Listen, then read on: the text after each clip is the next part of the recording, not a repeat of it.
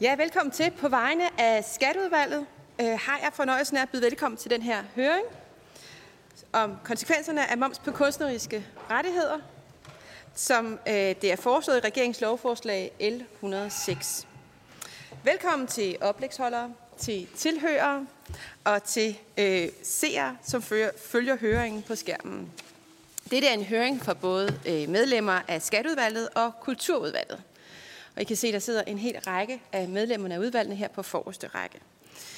Det er muligt for medlemmerne af udvalgene at følge høringen over Teams, og det øh, gør øh, indtil videre Peter Skåb fra Dansk Folkeparti og Charlotte Broman Mølbæk fra SF.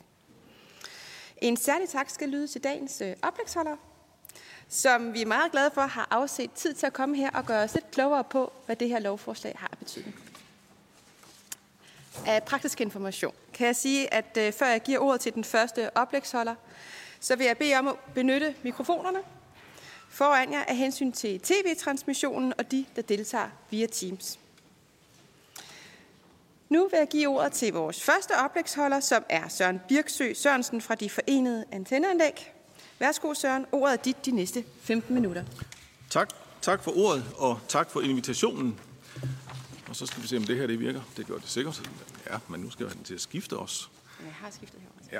Se, FDA er en organisation for forbrugerejet øh, antenneanlæg. Det vil sige, at alle dem, som jeg repræsenterer, de ejer i fællesskab deres lokale infrastruktur. De hedder mange forskellige ting. Det vil jeg ikke læse højt, men, øh, men så er der i hvert fald lige en, øh, en oversigt over, hvad det går ud på. Og det er, øh, det, det er meget forskelligt, men det står så der. Så vil jeg sige lidt om, hvordan de her øh, brugerejede anlæg er. Altså det er sådan nogle, øh, det er sådan nogle forbrugerejede anlæg, sådan helt klassisk, ikke øh, profitbaseret system, hvor man i fællesskab er gået sammen om at løse en opgave, som man ikke kunne løse for sig selv. Og det startede, det startede med, at man gerne ville kunne se øh, nabolands tv øh, tilbage for 40-50 år siden, og for at kunne se tysk tv, når man boede i den sydlige del af Jylland, jo længere man bor væk fra, fra senderen, jo højere mast skal man have, og derfor gik man så sammen om det. Så det er det, de startede med. Så man kan sige, at det er skabt til at distribuere primært, eller i første omgang, tv fra nabolandene, men nu er det så udviklet sig til en central infrastruktur. Det er, et kommunikation, altså det er en del af teleinfrastrukturen, en af de mest udbredte, i hvert fald når vi snakker om højhastighedsadgang til internettet. Så, så fra at kunne tage Tyskland 1 og 2 ned, når vejret var til det, så er det nu blevet adgangsvejen for rigtig, rigtig mange husstande til, til internettet. Så man kan sige, uden antenneanlæg for 40 år siden, så har der ikke været mulighed for hjemmearbejde under corona. Så øh, det er klassisk civilsamfund, det er folkevalgte bestyrelser, der sidder og gør det her for det lokale fællesskab på linje med varmeværker og vandværker og tilsvarende. Det her det handler så om rettigheder, som man skal have for, at man kan gøre det, som antenneanlæggene startede med, nemlig at fordele indhold. Det, der sådan teknisk set kaldes retransmission, samtidig og uændret. Det skal man have lov til, fordi rettigheds, øh, eller ophavsmændene har en rettighed på det. Og rent teknisk fungerer det på den måde, at man indgår en aftale med øh, en forvaltningsorganisation, som så repræsenterer alle ophavsmændene i fællesskab. Og det øh, gør man så enten ved, at man kan opnå enighed. Øh, det kan vi nogle gange, nogle gange kan vi ikke. Og hvis ikke man kan opnå enighed, så går man ind i ophavsretslicensnævnet og beder dem om at fastsætte takster og vilkår. Så det her det er sådan et lidt øh, anderledes marked, kan man sige, fordi selve fastsættelsen af betalingen for rettighederne er løsrevet fra aftalen om indholdet. Så hvis man gerne, vil vælge, hvis man gerne som antenneforening vil sende en tv-kanal ud, så indgår man så en aftale med tv-kanalen. Det kunne være TV2 for eksempel. Og bagefter skal man så have en aftale med dem, der repræsenterer en del af rettighederne. Så det hænger ikke sammen. Så på den måde er det et anderledes marked. Jeg har jo så kaldt mit indlæg, at det handler om mere end penge. Nu kan man sige, at moms handler jo i høj grad om penge. Men konsekvenserne er andet end kun økonomiske. Det seneste regnskab, som Copenhagen Verdens TV har offentliggjort, det viser, at de i 2020 opbevarer godt 1,2 milliarder kroner. Altså det er de penge, som antenneanlæggenes tilslutninger, alle dem, der har kabel-tv-pakker rundt i Danmark, hvordan de nu måtte få dem, de har tilsammen betalt de her 1,2 milliarder kroner i de rettigheder, som ligger ved siden af dem, man køber direkte hos tv-kanalerne. Og hvis der kommer moms på det, ja, så vil det jo betyde 300 millioner kroner ovenpå. Altså 300 millioner kroner ekstra, som de her forbrugere til sammen skal betale, uden at der sker noget som helst andet, end at der kommer en regning. Der sker ikke noget med indholdet, der sker ikke noget med de kanaler, man får adgang til. Det eneste, der sker, er, at der kommer moms på. Og det betyder så, at en typisk tv-pakke vil stige et sted mellem 12 og 20 kroner om måneden, eller op mod øh, 250 kroner om året. Og lidt afhængig af, hvordan det så konkret ser ud, så kan det faktisk betyde, at for nogle forbrugere vil de få en prisstigning alene af den her grund, som er på over 10 procent.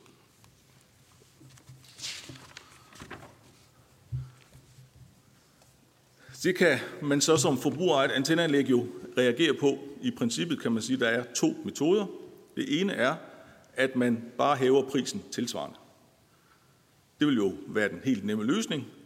Øh, og, øh, og så kan man sige, at det har så nogle andre implikationer, men det er i hvert fald den ene måde at gøre det på. Den anden måde, man kan gøre det på, er, så kan man sige, jamen så må vi tage noget ud af pakkerne, sådan at prisen kommer til at blive der, hvor den var, men til gengæld så kommer der mindre indhold. Og så kan man selvfølgelig tage kombinationer af det, men, men det er ligesom i hvert fald to reaktionsmetoder. Men min pointe er, at uanset hvad man gør, så ender det jo med, at forbrugerne kommer til at bære regningen, og det gør de enten ved, at de skal betale mere for det samme, eller ved, at de skal betale det samme, men for mindre. Så det vil jo være et tab for forbrugerne, øh, at det her kommer til at ske.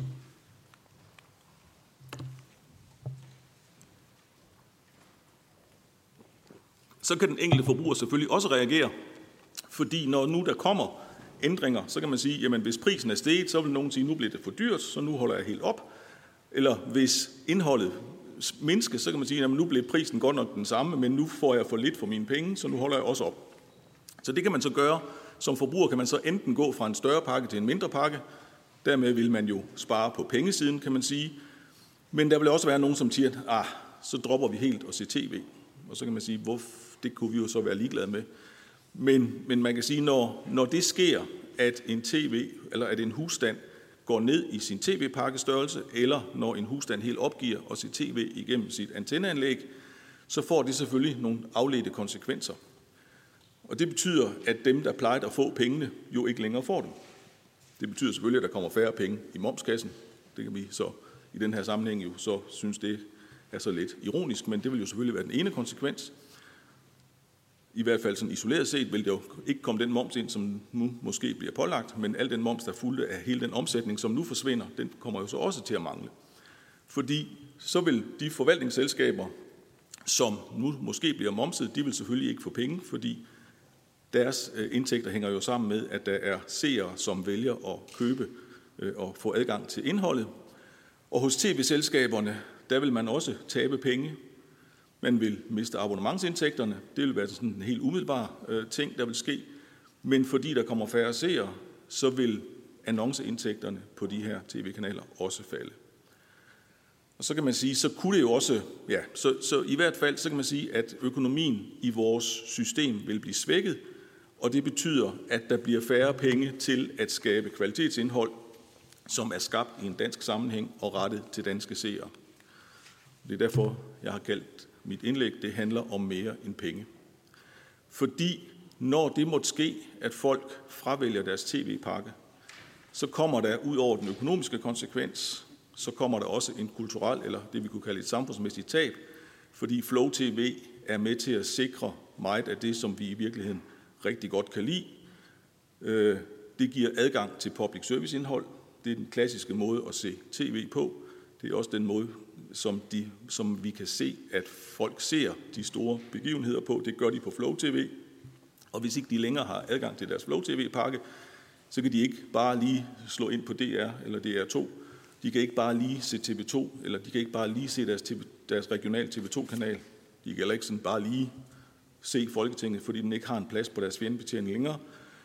De vil også miste alle de øh, public service kanaler, som vi har adgang til fra vores nabolande, og som jo i virkeligheden var der, hvor det her det startede, kan man sige.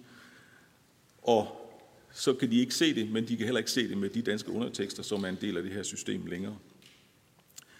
Og så kan, og så kan vi sige, at dem, som så i høj grad er dem, der ser Flow TV, det er De er en Flow TV-seer er typisk ældre end yngre, og en Flow TV-seer bor i højere grad uden for de helt store bysamfund.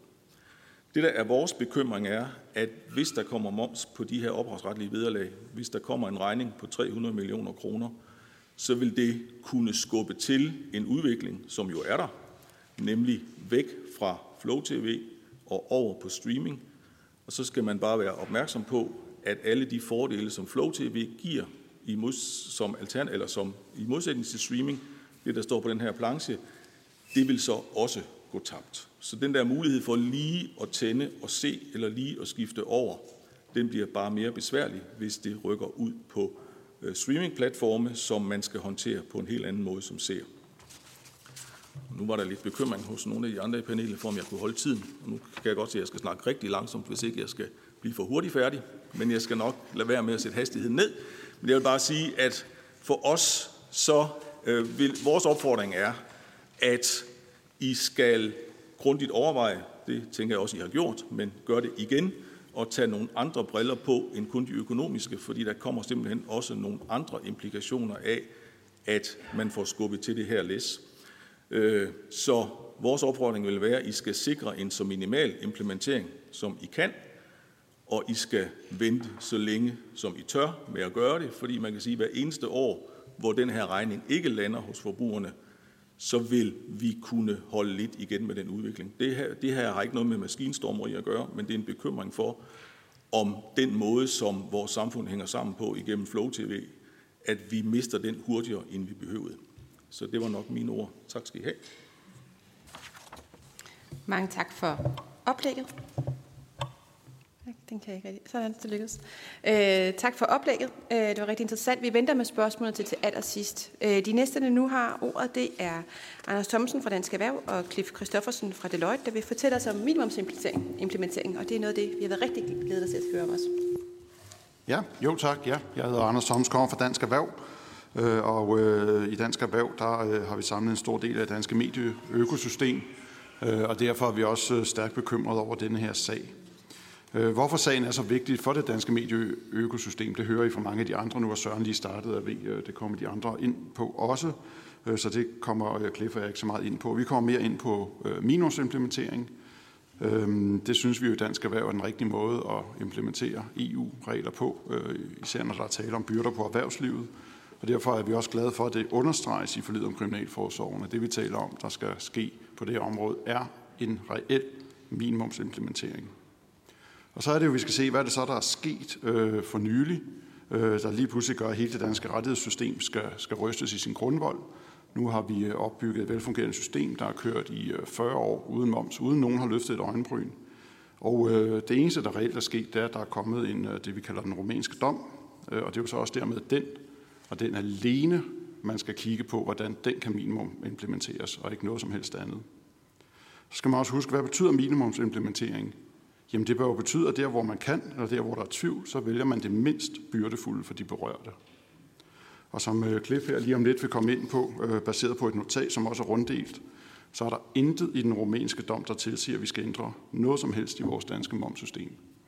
Øh, man kan godt sidde tilbage med en fornemmelse af, at det er mere drejer sig om at finde finansiering til Kriminalforsorgen, og konklusionen må derfor være, at man helt bør droppe ændringerne i moms på kunstneriske rettigheder, så når man den minimumsimplementering, der er aftalt, og så har, må man bruge resten af 2022 på at finde en anden finansiering. Men, øh, men hvordan det hænger sammen mere juridisk, det vil du komme ind på nu, Cliff.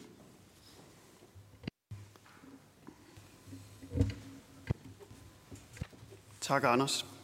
Jeg har fået øh, fornøjelsen af at fortælle jer lidt om, hvordan det sådan rent fagligt hænger sammen. Øhm, der er jo ingen tvivl om, at vi ser lidt anderledes på det, end, øh, end det Skatteministeriet giver udtryk for i både lovforslag, men også de svar, de har kunnet nå at give til Skatteudvalget indtil videre. Hvis vi starter med at tage et kig på, øh, på det direktiv, som momsloven egentlig baserer sig på, jamen øh, så har det været uændret siden 1977.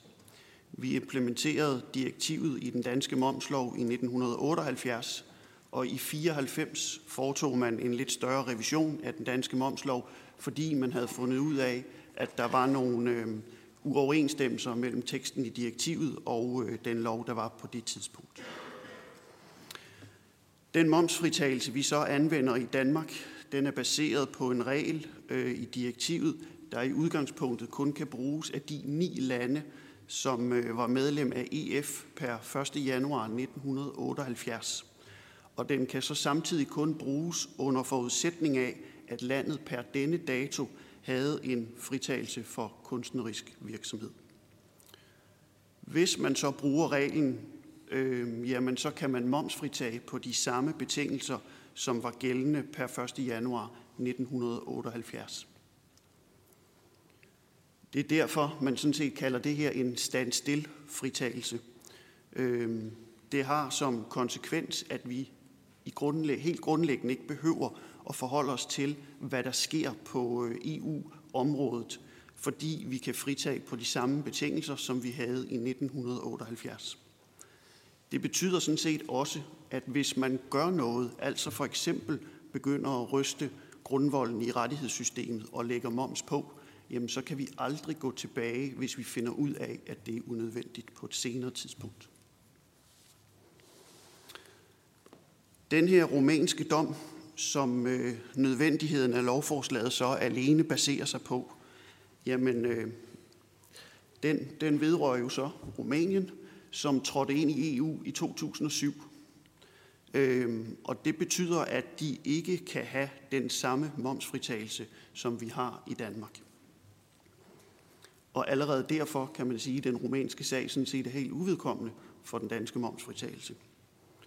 Hvis vi kigger lidt øh, dybere i den, jamen så er der ingen tvivl om, at i det romanske system, der blev øh, licenser, rettigheder og forvaltningsorganisationer, kunstnere, alle sammen anset for at være momspligtige.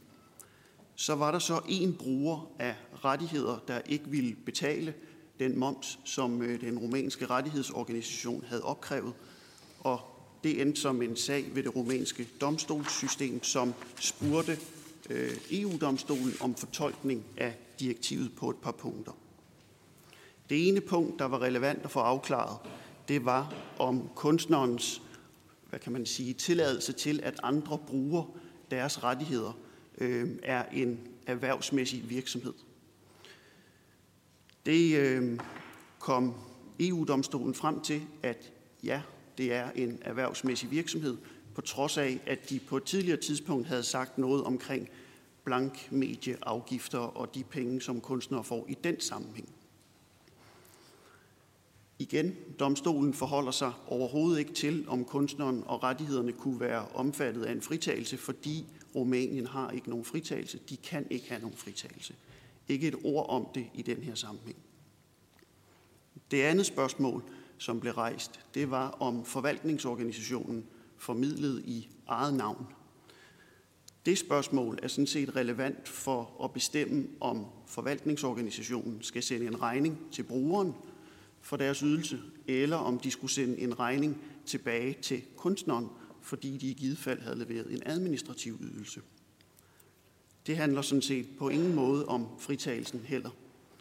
Og domstolen konkluderer, at, øh, at den her rumænske organisation, de handler i eget navn fremmed regning, og det vil sige, at de formidler, og derfor skal de anses, eller skal de sende deres fakturer øh, frem i kæden, så det er brugeren, der kommer til at betale momsen. Så det er jo derfor, øh, at vi siger, at den her dom har sådan set ingenting med den danske momsfritagelse at gøre. I Danmark har vi nogle helt andre regler, som vi har haft siden 1978. Den her dom siger bare noget om, hvordan det rumænske system skal fungere, og hvordan de forskellige parter de agerer i forhold til hinanden. På trods af det, så øh, har Skatteministeriet sagt i spørgsmål i deres svar på spørgsmål 28, at øh, det er altså den her dom, der gør, at vi er nødt til at skal foretage en ændring. Når man kigger på, hvorfor de så kommer til den konklusion, så bliver det en lille smule kringlet. Først i lovbemærkningerne, så anfører ministeriet, at det faktisk aldrig rigtig har været afklaret, hvorfor forvaltningsorganisationerne har været momsfritaget i al den tid, vi har haft et momssystem i Danmark. Alligevel så lægger de sig lidt senere i lovforslaget fast på, at det må være, fordi vi ikke har anset forvaltningsorganisationerne for at drive erhvervsmæssig virksomhed. Og med koblingen over til den romanske dom, så kan man sige, at de meget belejligt konkluderer, at øh, når det har været begrundelsen for, at vi har momsfritaget forvaltningsorganisationerne, ja, så siger dommen, at de driver erhvervsmæssig virksomhed, og derfor så øh, skulle de så i givet fald ikke kunne være under momsfritagelsen. Vi er meget uenige i, at øh, begrundelsen for at fritage forvaltningsorganisationerne har været, at de ikke har drevet erhvervsmæssig virksomhed. Efter vores opfattelse så er det udtryk for en efterrationalisering. Der findes stort set ikke en forening eller en organisation i hele Danmark, der altid er blevet anset for at drive erhvervsmæssig virksomhed. Selv den lille lokale idrætsforening, hvor man mod betaling af et kontingent får lov til at gå ned og dyrke gymnastik i en enkelt time om ugen, er blevet anset for at drive erhvervsmæssig virksomhed. Sådan foreninger er bare omfattet af en momsfritagelse, øh, og derfor ender det med, at de ikke skal betale moms. Men alle har været klar over, at det har været erhvervsmæssig virksomhed. Vi mener, at den rigtige begrundelse for, at forvaltningsorganisationerne er momsfritaget nu på 43. 20. år, det er, at de har været omfattet af den her standstill momsfritagelse. Skatteministeriet siger, det kan de ikke være, fordi den fritagelse, vi har, er en personlig fritagelse. Det er en vurdering, som Skatteministeriet har foretaget, og det er de også ret åbenlyse om i deres svar på spørgsmål 23. Det skyldes, at øh, EU-domstolen på intet tidspunkt har afvist, at øh, forvaltningsorganisationer kan være omfattet af standstill, og det er sådan set helt uprøvet på EU-niveau, om fritagelsen omfatter forvaltningsorganisationer og om momsfritagelsen for kunstnerisk virksomhed kun dækker en personlig ydelse. Vi er sådan set også uenige i, at den fritagelse, lige præcis når det kommer til rettigheder og licenser, er en personlig fritagelse. Et brug af en rettighed kunne for eksempel være at spille et stykke musik i radioen. Der er den kunstneriske ydelse jo sådan set allerede materialiseret på en måde. Den er, der er foretaget en indspilning, og det er den, der bliver brugt. På den baggrund, når man fritager den rettighed, jamen så er der sådan set ingen grund til at sige, at det er en personlig ydelse. Jo, det er kunstnerens personlige ydelse, der ligger på det, man spiller, men det kan sagtens fritages i, i flere led.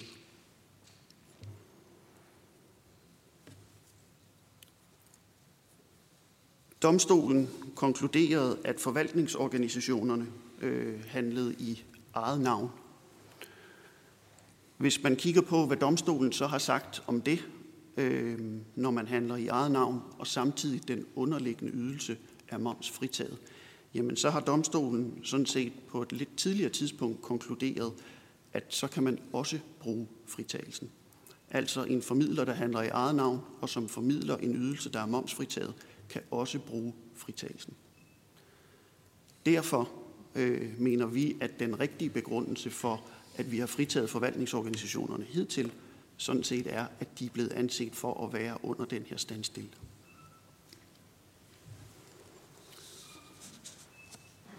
Vores konklusion er så på den baggrund, at øh, jamen, ministeriet anerkender jo egentlig også, at de er på lidt usikker grund, når de øh, mener, at der ikke længere er basis for at momsfritage forvaltningsorganisationerne. Det er ikke baseret på EU-dommen, men måske efterrationaliseringer, så det kan passe ind i deres kontekst, øh, og i hvert fald helt nye vurderinger af, hvad fritagelsen giver ret til, selvom den har været gældende helt siden 78. Som det fremgår af bemærkningerne, så har vi sådan set en gang i Danmark øh, foretaget en forkert vurdering. Så allerede i dag lægger man moms på noget, som ikke skulle have været momsbelagt. Men fordi det er en standstill, så kan vi ikke trække i land og gå tilbage. Og derfor så skal man være ja, nærmest 100% sikker, før man begynder at lægge moms på noget. Hvis det alene er vurderinger, som er uprøvet, jamen så kan man jo ikke udelukke, at det, det faktisk er rigtigt, det vi har gjort. Og hvis det er rigtigt, det vi har gjort, så er der ingen grund til at ændre noget som helst. Det er derfor, vi siger, at lovforslaget er sådan set ikke udtryk for en minimumsimplementering. Der er ikke noget klokkeklart i nogen domme, der, der gør, at vi i Danmark er nødt til at ændre i den her momsfritagelse på det her tidspunkt i tid.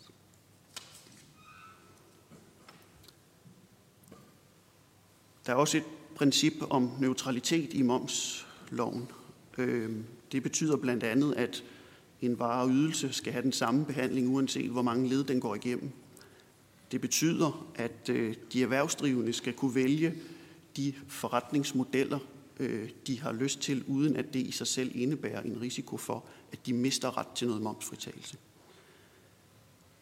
Hvis man kigger på, hvad der kan blive konsekvensen af det her, jamen så må man jo sige, at dem, der bruger rettighedsforvaltningsorganisationer til at indkræve deres rettighedsbeløb, ja, de risikerer i den grad at miste en momsfritagelse, øh, som dem, der måske er store nok til selv at forhandle deres aftaler hjem, øh, at de kan have en fritagelse på.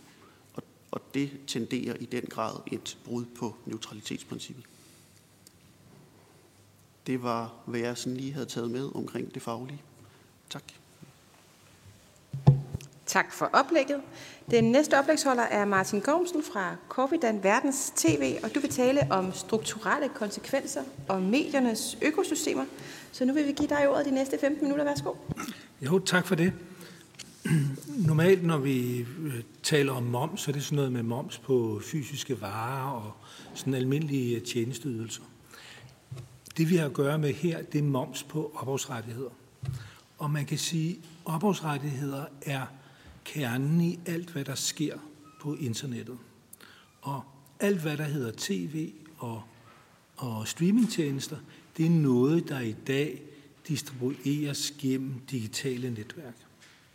Det gør også, at den her sag i meget høj grad handler om internetøkonomi, og den, den er en sag, som meget direkte påvirker forholdet mellem danske virksomheder og udenlandske virksomheder. Hvis man skal tage den, gøre den lidt mere konkret, så handler den jo i sin enkelhed om, hvorvidt øh, danske distributører, der sælger tv-kanaler og streamingtjenester, skal belastes af moms på ophavsrettigheder. Det er ikke nogen lille sag. Der har været, det, det er et meget betydeligt beløb. Alene for Copenhagen Verdens TV, der er det 300 millioner om, om året. Det er et så stort beløb, at den her, den økonomiske påvirkning af det her forslag vil have konsekvenser for mediebranchen, det vil have konsekvenser for adgangen til dansk indhold, det vil også have konsekvenser for finansieringen af dansk indhold. Det grundlæggende problem er, at momsen vil forrykke balancen mellem på den ene side streamingtjenesterne og på den anden side tv-distributørerne. Det er sådan, at streamingtjenesterne det er alt overvejende udlandske virksomheder, ofte kaldet tech-giganter, og de vil med det her forslag få en stor økonomisk fordel. Omvendt, tilsvarende, så vil forslaget, det vil skade øh, danske infrastrukturer, som for eksempel tv-distributørerne, det vil skade dansk public service, det vil skade danske rettighedshavere. Årsagen er den enkle, at tv-distributørerne i dag kan viderefakturere de ophavsretlige vederlag momsfrit. Det kan, eller gør, tech-giganterne af forskellige grunde ikke. Det gør, at tv-distributørernes priser kommer til at stige, mens tech-giganternes priser kan forblive uændret.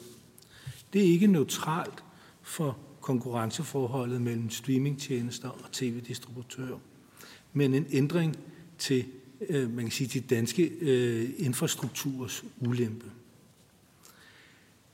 Det er min egen overbevisning, at den økonomiske effekt af det her på den lange bane, de strukturelle konsekvenser af det her forslag, vil gøre, at der ikke kommer et proveny ind til staten, men der bliver tale om et økonomisk tab.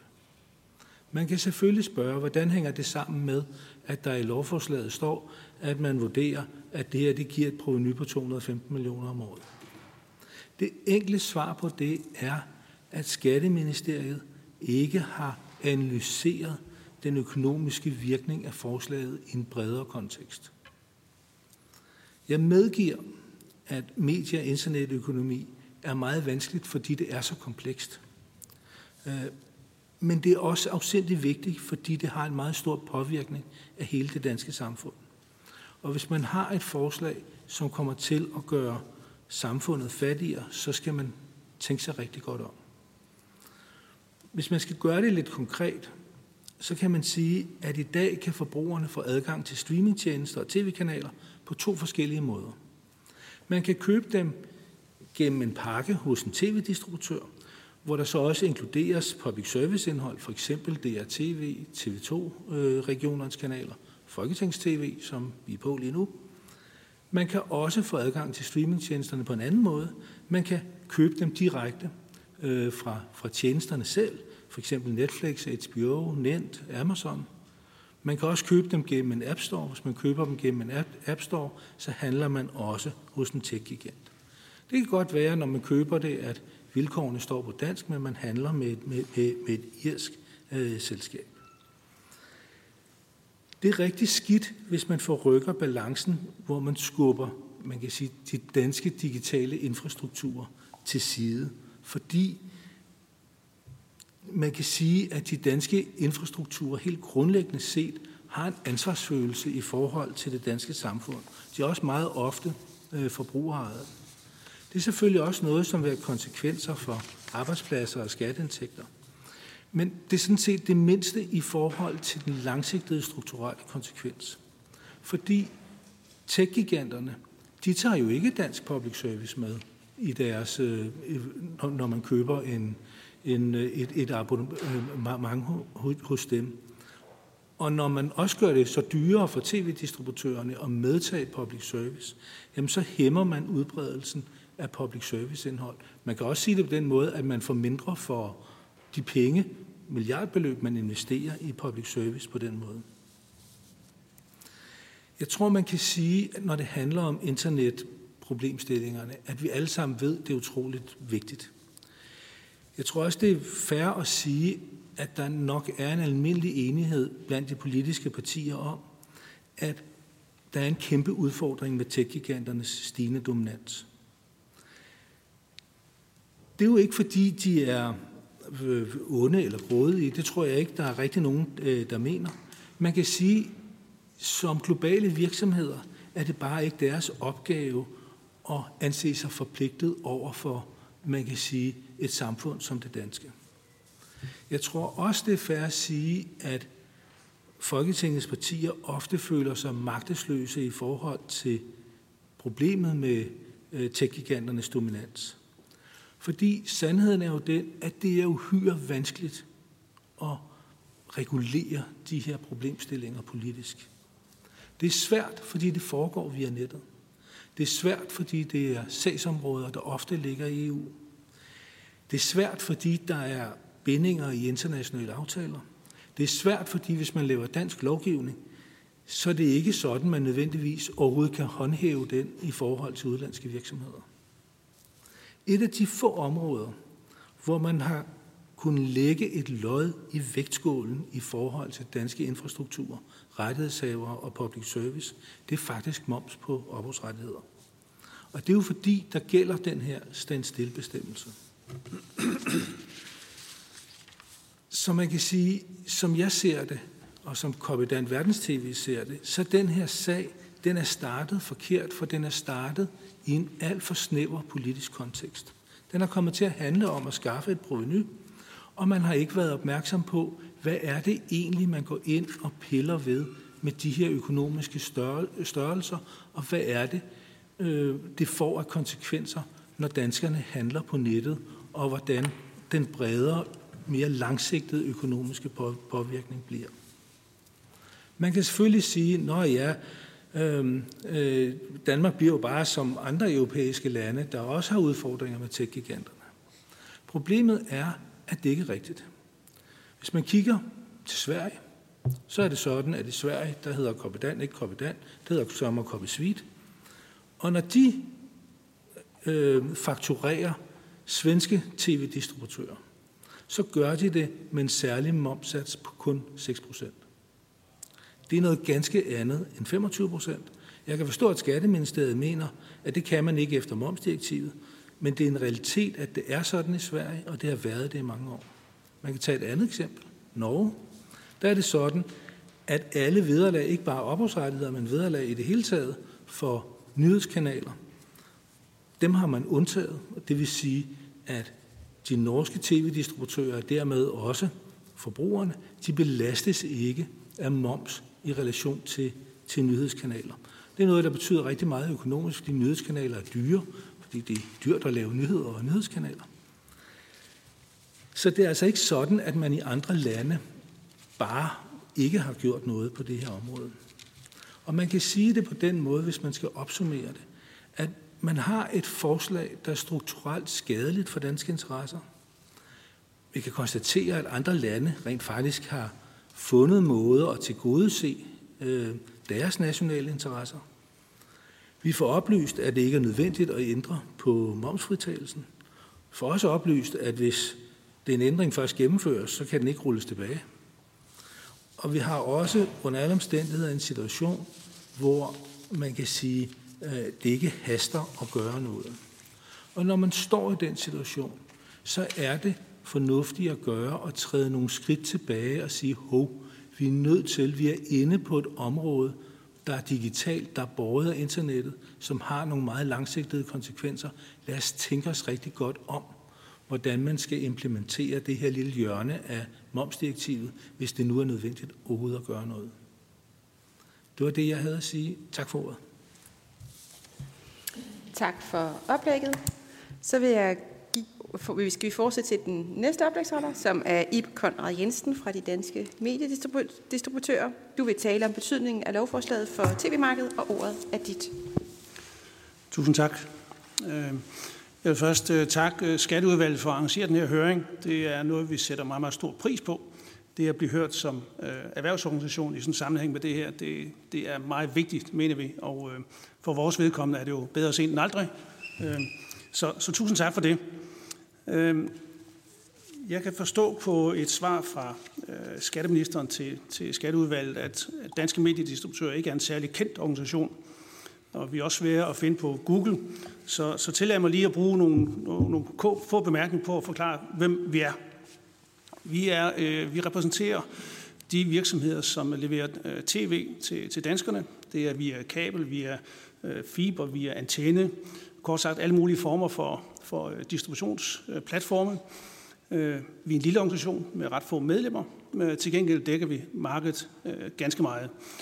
Der er i dag øh, cirka 2 millioner husstande, der har et øh, tv-abonnement. Øh, på debatten i, i, i nu om dagen kan man godt få indtryk af, at der stort set ikke er nogen tilbage, der, der ser tv på traditionel vis, men altså 3 ud af 4 husstande øh, gør det stadigvæk, og, øh, og vi som organisation repræsenterer vel 99 procent af, af de kunder. Øh, Mediedistributøren er den vigtigste distributør af public service tv, alle husstande, der har et tv-abonnement, har adgang til, til alt øh, public service, og dertil også noget public service for vores nabolande. Det er, som der blev sagt før, det er alle DR's kanaler, det er TV2, hovedkanalen, som jo også har public service status, det er de regionale tv-stationer, det er lokal tv. Kort sagt alt, øh, der bidrager til det, som også kaldes den demokratiske samtale. Øh, endelig er øh, tv-distributørerne den, den største øh, finansielle bidrag yder til, til, øh, til dansk tv. Dels gennem abonnement til øh, broadcasterne, altså betaling for at kunne sende en kommersiel kanal som TV2 eller TV3, hvad nu kan være.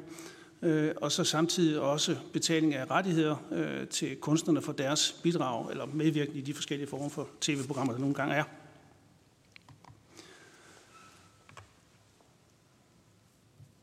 Vi taler, det vi taler om øh, her, det er det, der illustreres på grafen. Øh, nederst har vi den orange del, det er retransmissionsbeløbet, og det er det helt traditionelle rettighedsbeløb, der findes på tv-markedet, der blev indført way back. Martin kan sikkert den eksakte dato. Øh, men der tilbage i 80'erne, da man begyndte at organisere tv-distribution gennem tv-pakker, så, hvor man nedtog øh, signalerne fra luften øh, og, og satte dem sammen i pakker og sendte dem videre, så foretog man det, man kalder en ophavsretslig handling, og øh, for den handling og den udnyttelse, øh, der skulle der være ske en betaling til, til rettighedshaverne. Den har stået på lige siden, øh, og den er stadigvæk en meget, meget stor del af rettighedsbetalingen. På det seneste har vi dog set, at den er begyndt at falde. Øh, og det fald, vi ser her fra, fra 19 til 20, i virkeligheden er det nok større, end det lige umiddelbart giver indtryk for, øh, fordi rettighedsbetalingen er baseret på det antal af abonnenter, der er ved årets start, og ikke ved årets udgang. Så vi har ikke set faldet fra, fra 19 til 20 her i, i tv-abonnementer, men, men det er givet, når vi ser det næste regnskab for Kopadan, så vil vi se et, et yderligere fald øh, et, i den del. Den blå kurve viser øh, egentlig et udtryk for, for den digitalisering og den forandring, der sker på tv-markedet i dag.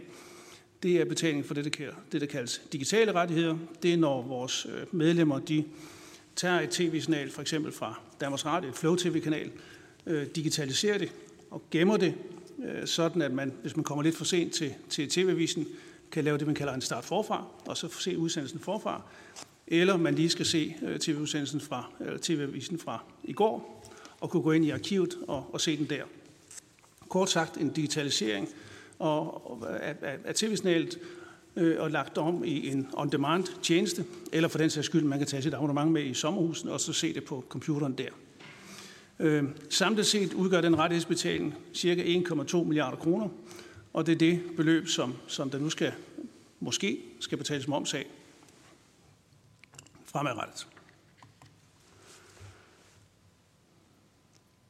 Vores syn på det her er, at øh, der er et eller, andet, et eller andet form for politisk intention øh, bag den momsfritagelse. Som vi hørte, så kom det i 1978, og siden 1978 har der været 22 forskellige skatteministre, øh, som har haft mulighed for at lave det her om, hvis det var i strid med EU-ret. Det er jo meget muligt, at, at hvis det havde været en enkelte kvindelig statsminister imellem, eller skatteminister imellem, så havde det set anderledes ud, men det har der altså ikke.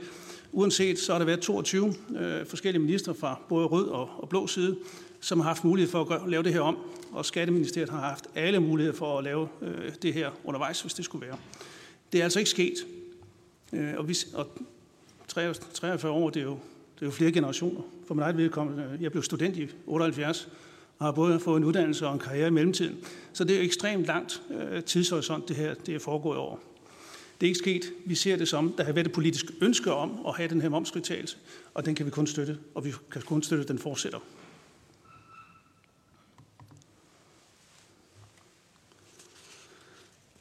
Som vi har set, er der to. Gud, der står. Jeg ved ikke, hvorfor der kun står Inger der, men, øh, men øh, der er sikkert en forklaring. Der skulle have stået, nu skal vi lige have rubrikken klar, to problemstillinger. Det var naturligvis det, det handler om. Øh, men øverste rubrik, den forsvandt altså.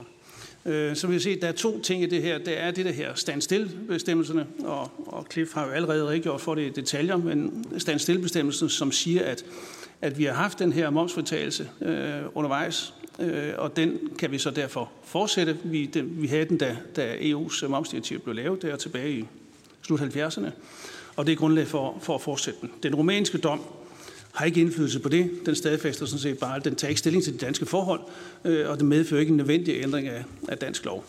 Og så er der det med formidlingen. Den alene foreslår, at, at, øh, at den romanske dom siger jo alene, at hvis, når kunstneren er momspligtig, så skal rettighedsforvalgeren også være det. Øh, og EU-domstolen har faktisk tidligere fastslået, at man kan bevare den momsfritagelse, når der sker en formidling øh, videre gennem for eksempel en forvaltningsorganisation. Det er det, der er vores grundsynspunkt på det her. Så kommer vi til, hvad det her betyder øh, faktisk for, for vores tv-marked. Øh, der skulle også have stået mere end bare tv, men øh, lad det være. Øh, det her det kan komme til at betyde øh, rigtig meget for vores, vores markedssituation. Det er rigtigt, som det er blevet sagt fra, fra som det er blevet svaret fra, fra Skatteministeriet til, til Skatteudvalget i de, i øh, de spørgsmål, der er stillet her, at det, det stiller jo bare øh, det stiller jo bare tv-distributørerne og streamingtjenesterne ens konkurrencemæssigt. Det er fuldstændig korrekt. De er faktisk også ens stillet i dag. Øh, streamingtjenesterne kunne godt foretage en, en, øh, og indregne en eller anden form for momsfortagelse, hvis de i øvrigt har haft et betydeligt indhold øh, af, af dansk indhold, for eksempel, hvor der skete en rettighedsbetaling. Det har de ikke. Og for dem, min, min, min fornemmelse er, at de har valgt ikke at bruge den her momsfritagelse, fordi det vil simpelthen være for bøvlet for dem. De beløb, de eventuelt skal betale til rettighedshaverne, er så små, at omkostningen ved at lave en eller anden rettighedsfradrag for, for moms ind i deres, øh, deres prispunkter i dag, vil være for store til, at det kan betale sig for dem, men de har nøjagtigt de samme muligheder som tv-distributørerne til at vælge den momsfortagelse. Det gør de ikke. Derfor betyder en indførelse af moms på det her faktisk ikke noget for streamingtjenesterne, for de har det i forvejen, og det ændrer ikke noget for dem. Til gengæld betyder det afsindig meget for, for tv-distributørerne, som jo bruger momsfortagelsen. Øh, og derfor svækkes konkurren- vores øh, konkurrencesituation ganske betydeligt med, med det her forslag. Øh, det vil tvinge os til at indføre moms øh, på cirka 25 procent, eller ikke cirka, præcis 25 procent, øh, og som vil, medføre en prisstigning på, vores skøn er 15-20 kroner om måneden, uden sammenhæng øh, med, eller uden, uden det kan begrundes i en eller anden form for indhold. Og jeg ved godt, at, at øh, I vil sige, jamen prisstigninger har vi jo hele tiden på tv-markedet. Det ser vi år efter år efter år, og det er fuldstændig rigtigt. De er steget voldsomt. Øh, og der er mange kunder, der, der, der klager over prisstigninger. Men det kan begrundes, når for eksempel øh, sportsret, øh, undskyld ikke når sportsret, ja, når, når Lionel Messi fik en milliard kroner for at spille, øh, en milliard kroner om året for at spille i FC Barcelona, så var der nogen, der skulle betale det. Det var tilskuddene, der kom ind, men det var i allerhøjeste grad øh, tv-serien, der kom til at betale for det. Og sportsrettigheder er noget af det, der har drevet prisstigningen op øh, gennem mange, mange år. Så, og det har kunderne været øh, mere eller mindre tilfredse med, hvad de har set. Men der har været en grund til prisstigninger.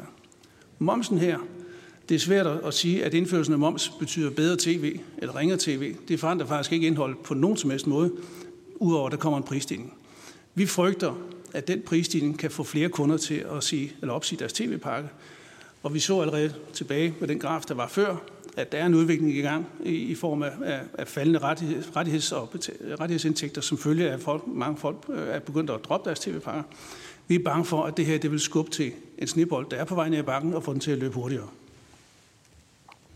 Og så er der egentlig det ved det, at, at mange af de aftaler, der indgås på det her marked øh, omkring tv og musik, er aftaler, som løber over flere år, som pludselig indførelse af, af, af et momskrav på det her, kan påvirke rentabiliteten af de aftaler, og føre til, at, at, op, at aftaler øh, skal tages op til forhandling, måske med ændring af indholdet.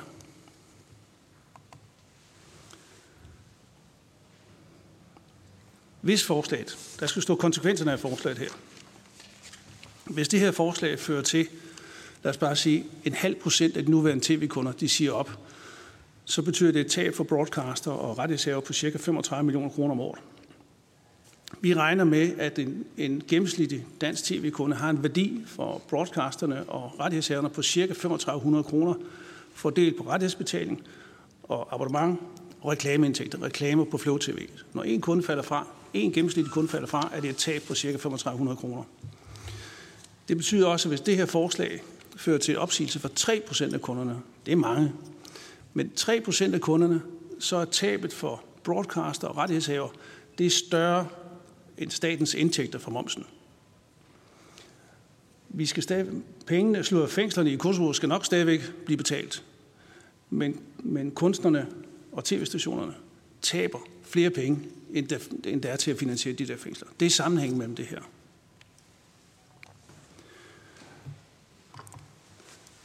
I morgen, eller i overmorgen har jeg hørt, der, øh, der fremlægger regeringen sit, øh, sit, hvad her, det, øh, sit medieudspil.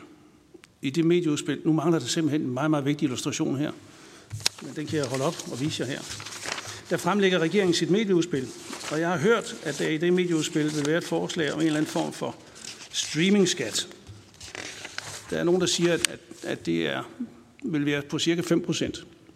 Altså at streamingtjenesterne skal hvad hedder, betale 5% i skat af deres årlige omsætning, enten som en, en investeringsforpligtelse eller en eller anden form for skat.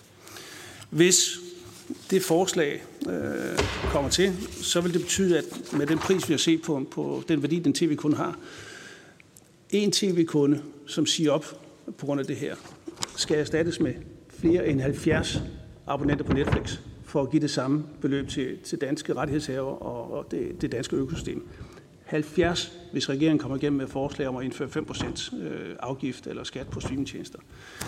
Jeg, siger, jeg tager det med her, fordi vi diskuterer, en, en, en, en, et, vi diskuterer skat, og vi diskuterer moms, men det her forslag har bare afsindigt meget betydning for det, vi kommer til at diskutere over en anden del af det her folketing, som her kultur. Øh, og sammenhængen er her. Det her forslag det får den her konsekvens. Vi skal skaffe 70 øh, abonnenter, eller vi skal det ikke, for det er ikke os nødvendigvis, der skaffer den, men der skal skaffes 70 abonnenter for hver tv-kunde, som det her forslag øh, øh, fører til, eller får, får til at opsige deres tv-abonnement. Det er det perspektiv, som jeg mener, at Skatteudvalget også kan tage ind i den her sammenhæng. Tak. Tak for oplægget. Vi er nu nået til Stefan Elan Christensen fra Korpidan Tekst og Noget, som er næste taler, og du vil tale om administrative konsekvenser af lovforslaget. Du har fem minutter. Værsgo. Tak for det, og tak for invitationen. Vi kigger lidt på de administrative konsekvenser, som det her lovforslag det vil give forvaltningsorganisationerne, hvis man øh, indfører det, som det, eller vedtager det, som det forelægger nu. Start med lige at vise, hvordan ser pengestrømmene ud i, øh, i forvaltningsorganisationerne i dag. Vi har en øh, række forvaltningsorganisationer, forskellige øh, ophavsretlige områder, som de er sat i verden til at øh, forvalte på, på vegne af ophavs, ophavsmændene. Der er en række slutbrugere, som øh, bruger de her ophavsretlige produkter. Det betaler de nogle penge for. Pengene kan gå gennem en, en mellemorganisation, men så ender de inde i forvaltningsorganisationerne. Når pengene så er opkrævet, så skal de sendes ud til de individuelle rettigheder. Igen, det kan også foregå igennem en, øh, en organisation, men der er altså tale om, skal man sige overordnet set, to pengestrømme. Der er en, øh, en, øh, det, vi kan kalde en penge ind pengestrøm. Det er den grønne cirkel her. Og så er der det, vi kan kalde en penge-ud Øh, pengestrøm. Det er den røde cirkel, når vi kigger på det set fra forvaltningsorganisationernes perspektiv. Der kom det her working paper tilbage i marts 2018 fra EU's momskommission. Så fik man det indtryk, at det her det handlede om moms på forvaltningsorganisationernes øh, forretning.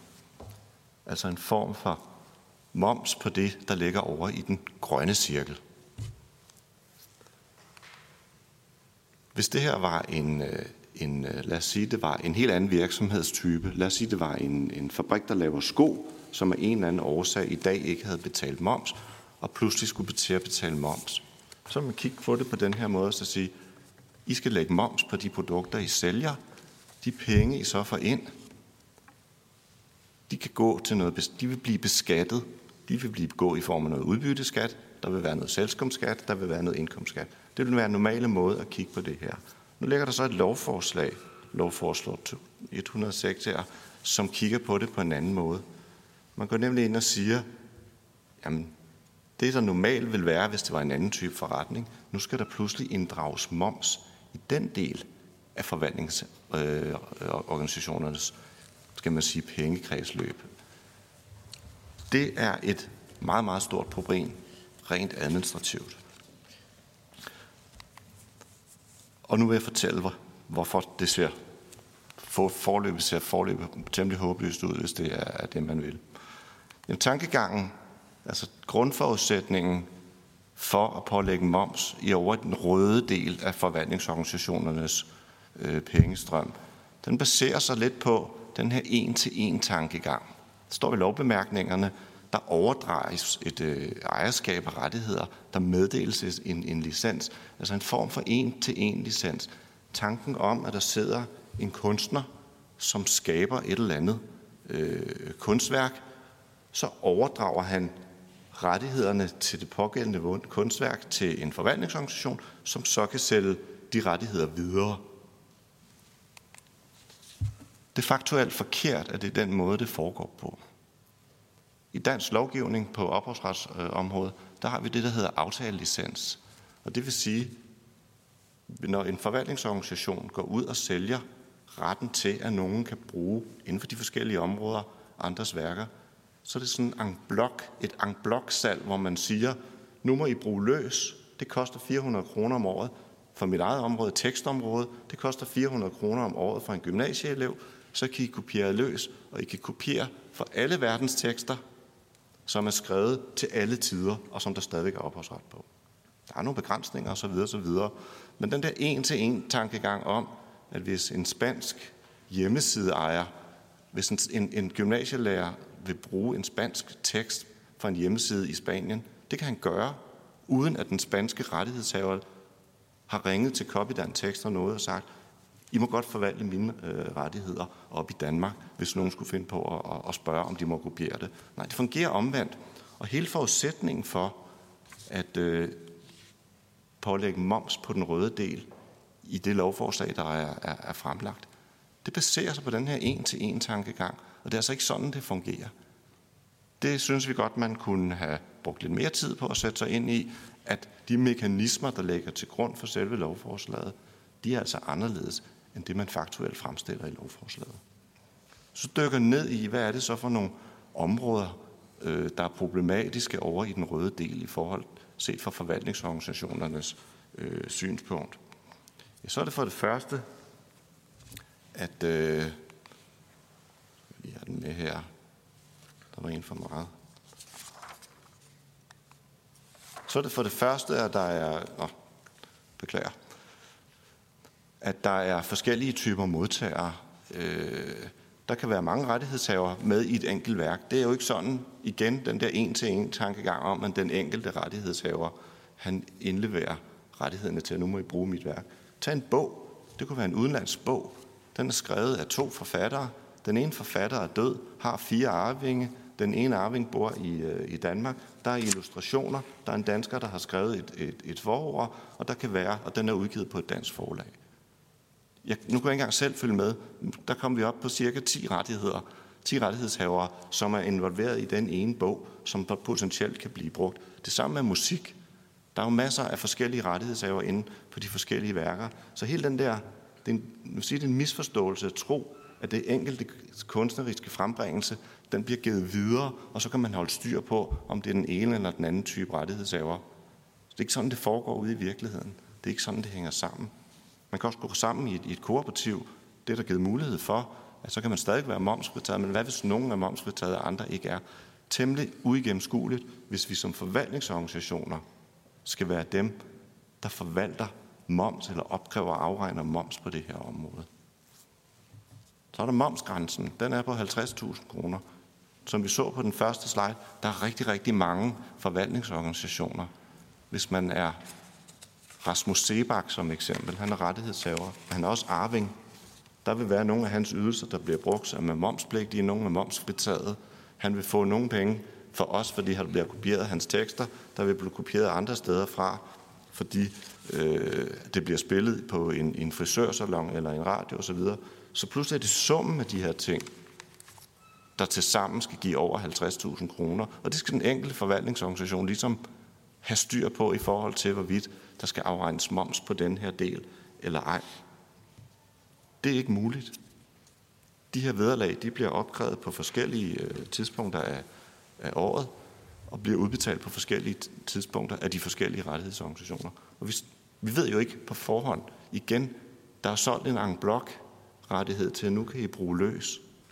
Så bliver der brugt løs, og så kigger man bagudrettet og siger, hvad blev der egentlig brugt? Og oh, der var en med her, som skulle have haft nogle, øh, han skal have del i det vederlag, der er blevet opkrævet. Men det er jo ikke sådan, at man betaler mere, hvis man bruger dobbelt så meget. Nej, der er givet fri adgang. Og det, det kan simpelthen ikke lade sig gøre at have den der en-til-en sammenhæng over i den røde del af, af, af kredsløbet. En stor, en stor del af det, man så slet ikke har, har med, det er udlandske rettighedshaver. Som jeg sagde før, jamen så er den danske ophavsretslov indrettet sådan, at forvaltningsorganisationer de repræsenterer hele verden. Det vil sige, at vi, sender, vi laver gensidighedsaftaler med andre lande og sender penge på kryds og tværs øh, af landegrænser, som kan have andre momsatser, som kan have andre regler i forhold til, hvornår man er momsfritaget, hvornår man ikke er momsfritaget. Hvordan skal det tænkes ind i, øh, i den forretning, som forvaltningsorganisationerne driver, hvis vi skal til at bruge krudt på at, at administrere, skal man sige, den røde øh, pengestrøm uset ud fra et momsperspektiv.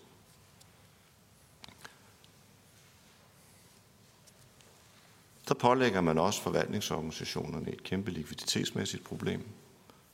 Hvis det er sådan, at man skal opkræve pengene, og så skal man afregne momsen over for skat, det kunne sikkert godt lade sig gøre rent administrativt, øh, uden de store problemer.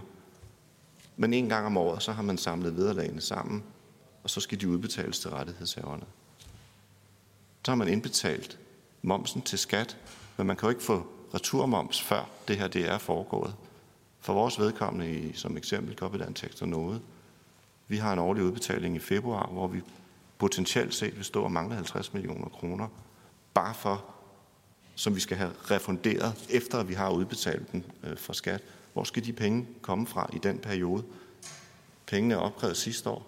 De bliver udbetalt året efter, når vi ved, hvem var det, der blev brugt sidste år. Og det, det her det er en situation, som man ser øh, i stort set alle forvaltningsorganisationer.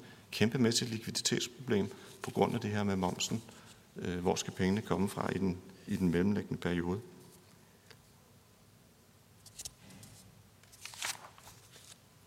Så er det også nævnt i, øh, i at der er nogle forvaltningsydelser, der fortsat vil være momsfritaget.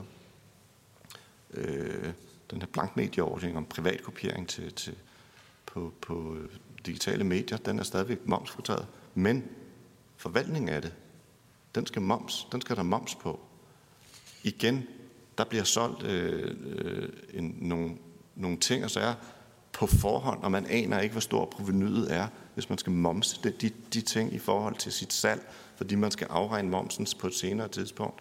Så er der igen ikke den der en-til-en sammenhæng, som hele lovforslaget øh, øh, baserer sig på, og derfor kan det i praksis næsten ikke lade sig gøre at administrere det her øh, øh, korrekt. Og så har jeg lyst til også lige at løfte en, øh, en, en, en pegefinger. Men det er jo sådan i dag, at over i den grønne pengestrøm og over i den røde pengestrøm, uanset om der er moms eller ej på det, penge ind, penge ud, så er der fuldstændig 100% styr på det cashflow, der løber her. Vi opkræver nogle penge, og så udbetaler vi dem til rettighedshaver. De penge de bliver indberettet til skat som B-indkomst øh, øh, til rettighedshaverne, og dermed bliver der også afregnet fuldstændig øh, korrekt øh, B-indkomstskat, når rettighedshaverne modtager et vederlag. Hvis man overlader det til rettighedshaverne, en række rettighedshavere, som i dag ikke er momsregistreret, men pludselig fremadrettet skal være momsregistreret, og selv skal holde styr på det her flow, så har vi ikke længere indberetningspligt, altså over i den røde cirkel. Og hvis vi regner lidt på det, og så kan vi sige, at forvaltningsorganisationerne til sammen, de opkræver vel årligt i nærheden af 2,53 milliarder eller noget i den stil.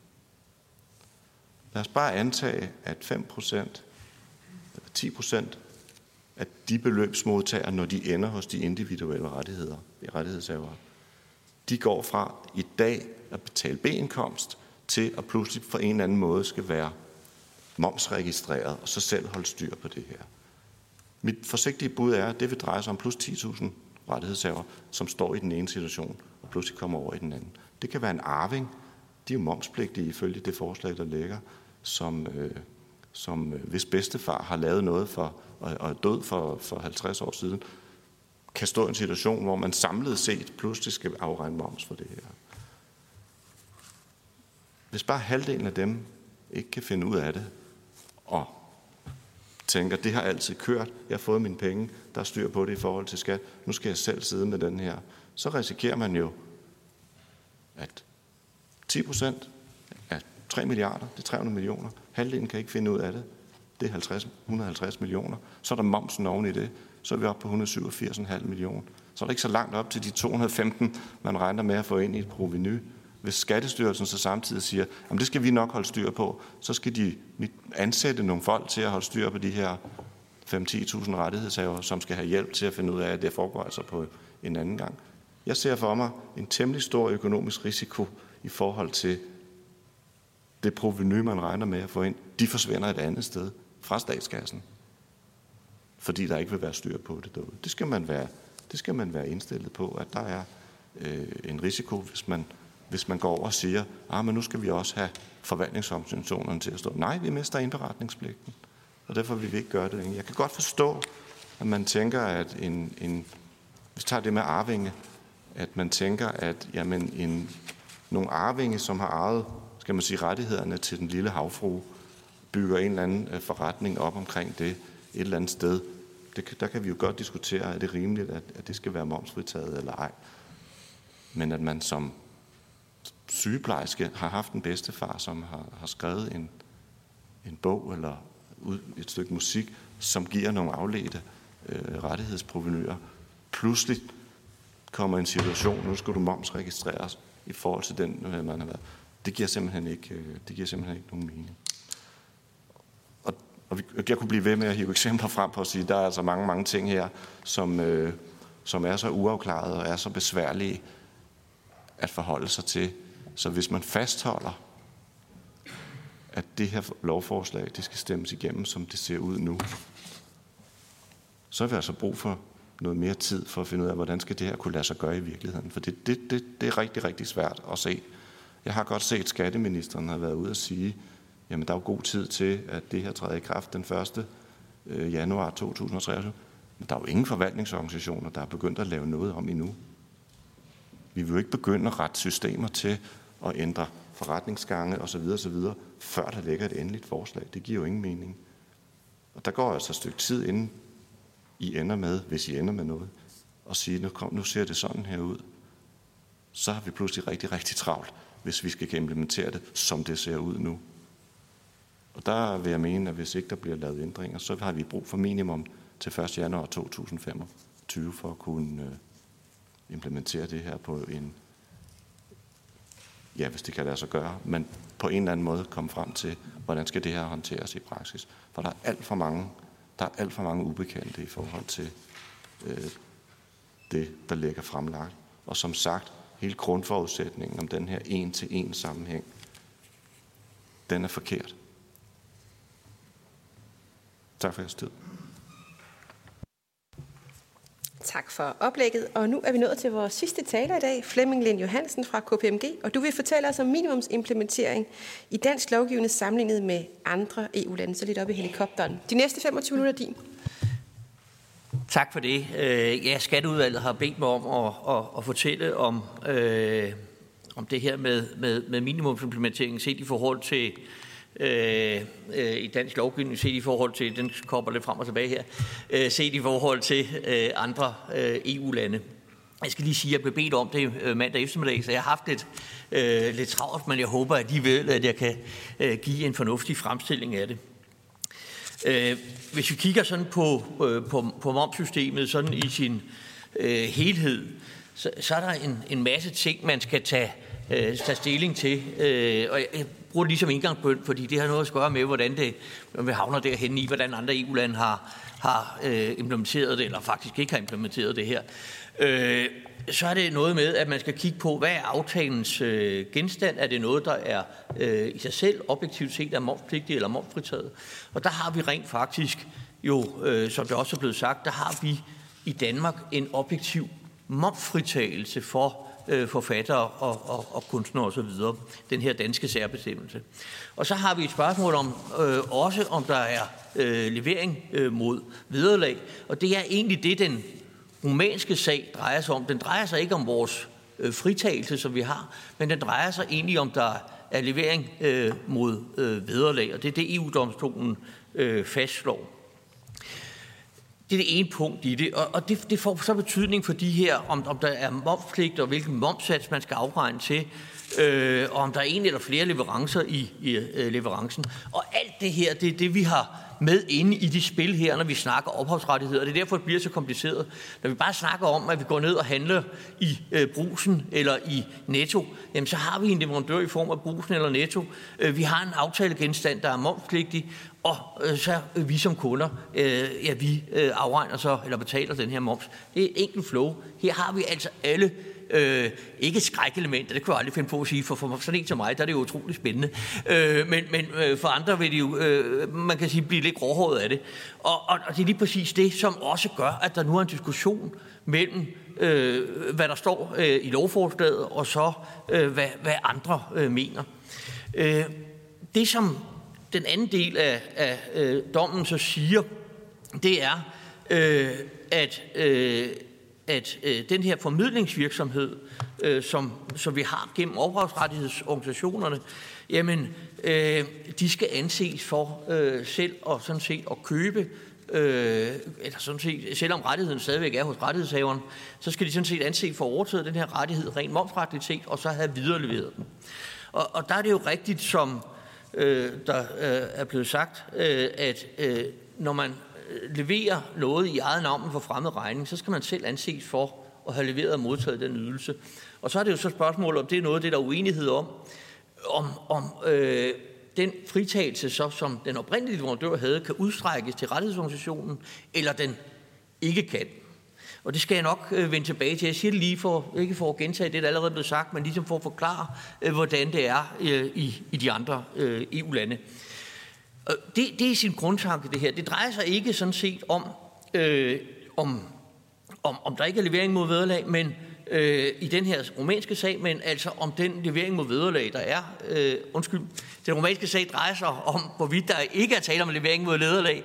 Øh, det er der sådan set ikke. Alene det, at vi har en fritagelse i Danmark, det indebærer, at vi sådan set allerede har afgjort, at der er tale om levering mod vederlag. Så den del af, af den sag, den angår slet ikke Danmark. Men, men som sagt, der hvor det, og det er også det, der står i lovforslaget, der hvor, hvor Skatteministeriet så mener, øh, at, at, at det flytter noget, øh, det er, at, at øh, rettighedsorganisationerne lige pludselig som følge af dommen får en anden karakter, end, end, end, det, de, øh, end det, som man har opfattet dem fra, som øh, fra Skatteministeriets side hidtil.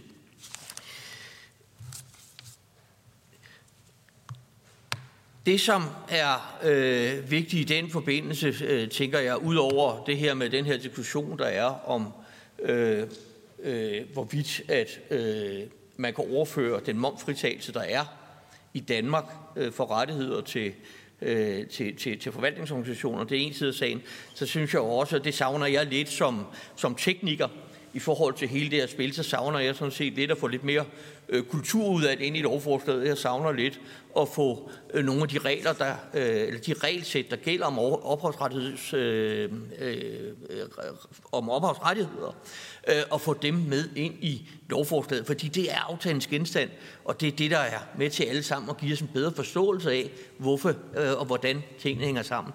Det er jo rent faktisk sådan, at der er nogle rettigheder, og det står også i lovforslaget. Der er rent faktisk nogle rettigheder, altså øh, blankbånd og sådan noget, som rent faktisk ikke er levering mod vederlag. Det er undtaget. Øh, og alene det, altså det, det er jo noget at gøre med, hvad, hvad er det sådan set lovgivningen siger over i på øh, kulturområdet, for det er kulturområdet, der ligesom er driver for det her.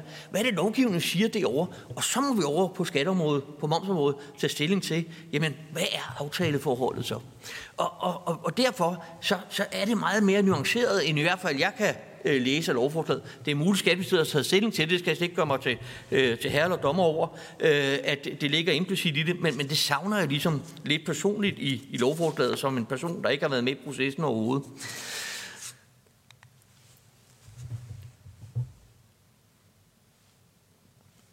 Det, som lovforslaget siger, nu er jeg på vej hen, øh, øh, øh, videre vej hen mod, mod udlandet, det er jo, at når rettighedsorganisationen meddeler licens, så bliver rettighedsorganisation øh, leverandør, og man mener så, at det indebærer øh, efter lovforslaget, at man går fra 0 til 25 procent. Men når rettighedshaveren direkte meddeler licens, så vil det øh, fortsat være tale om momfritagelse. Og skal man lige også bemærke i, når vi snakker det med minimumsimplementering. Jeg har allerede forstået nu, øh, og det, det var inden, det er måske en dum chance den her, for jeg kan forstå, at der er en masse administration med, øh, med sådan en momspligt, som måske overstiger den fordel, der er ved at være momspligtig. For normalt er der en fordel ved at være momspligtig, hvis ens kunde er øh, i øvrigt er momspligtig, fordi så har de et fradrag, og så får man selv et fradrag.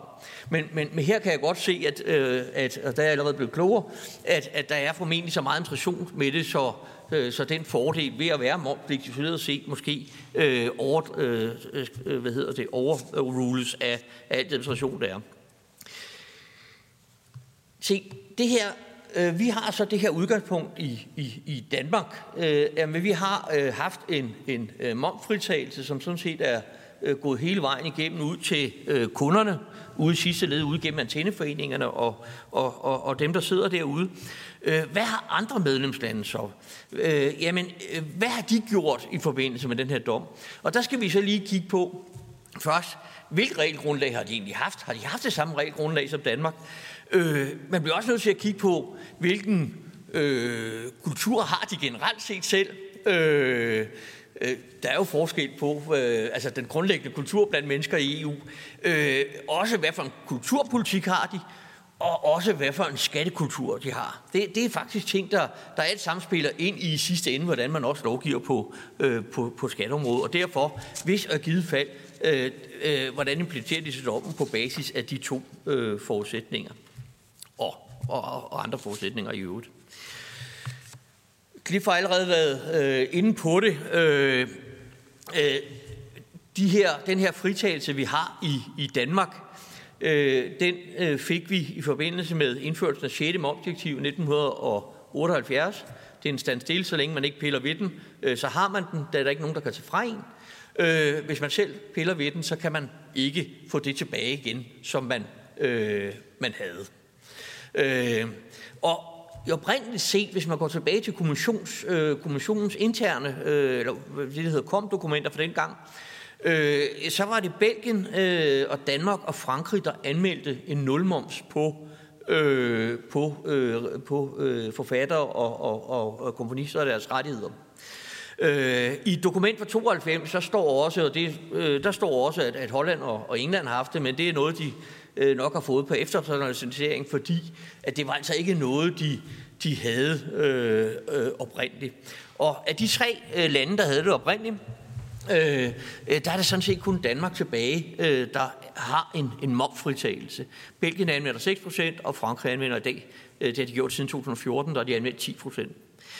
Nye lande, øh, der var faktisk også, en, øh, altså efterhånden øh, 78, ikke, der er kommet en, en hel del flere lande med øh, siden. Og de her nye lande, de har rent faktisk også i forbindelse med deres tiltrædelsesaftale en særbestemmelse i det, der nu hedder MOMS-direktivet. Øh, det er et opdateret 6. momsdirektiv, som er nu fra 2006.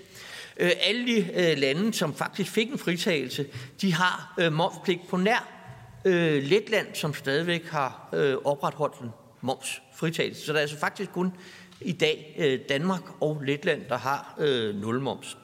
Øh, Spanien vil egentlig også gerne have anvendt det, men problemet var, at de havde kommet til at indføre det i deres lovgivning, øh, og så kunne de ikke rulle det tilbage. Det var jo det, er det vi, vi ved nu og har hørt øh, flere gange. Man kan ikke rulle noget tilbage, øh, som man har øh, indført.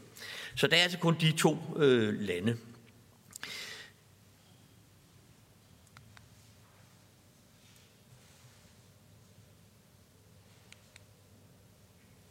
Der sker ikke så meget her. Der kom der.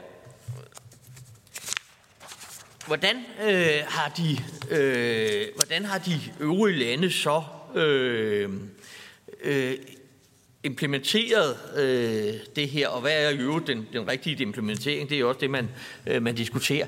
Hvis vi ser på, øh, hvad øh, øh, øh, øh hvem der vil forhånd, der vil helt masse lande, som slet ikke har behov for at, øh, at implementere det her rent faktisk. Altså det er jo sådan, som sagt, det er kun Danmark og, og Letland, der har en fritagelse. Alle andre har en øh, momspligt, og den momspligt, der er forvaltningsorganisationerne også med ind i. Så den her dom er faktisk slet ikke no news øh, for dem. Og øh, jeg har også lige markeret Rumænien med rødt her, det har øh, Cliff også allerede sagt. Det var faktisk sådan, eller er sådan, at der var allerede en momspligt i Rumænien. Det, som man prøvede mellem to øh, parter der, hvor den ene part påstod, det var, at det altså var ikke noget, der var fritaget, men noget, der var helt undtaget som en, en erstatning eller en kompensation, øh, og derfor var helt ude af moms, øh, momsområdet. Men langt de fleste lande, eller alle lande, de siger sådan set, jamen det er en levering mod vederlag, så har vi to lande, der siger, jamen vi har så fritaget det, øh, og det er Letland og, og, og Danmark.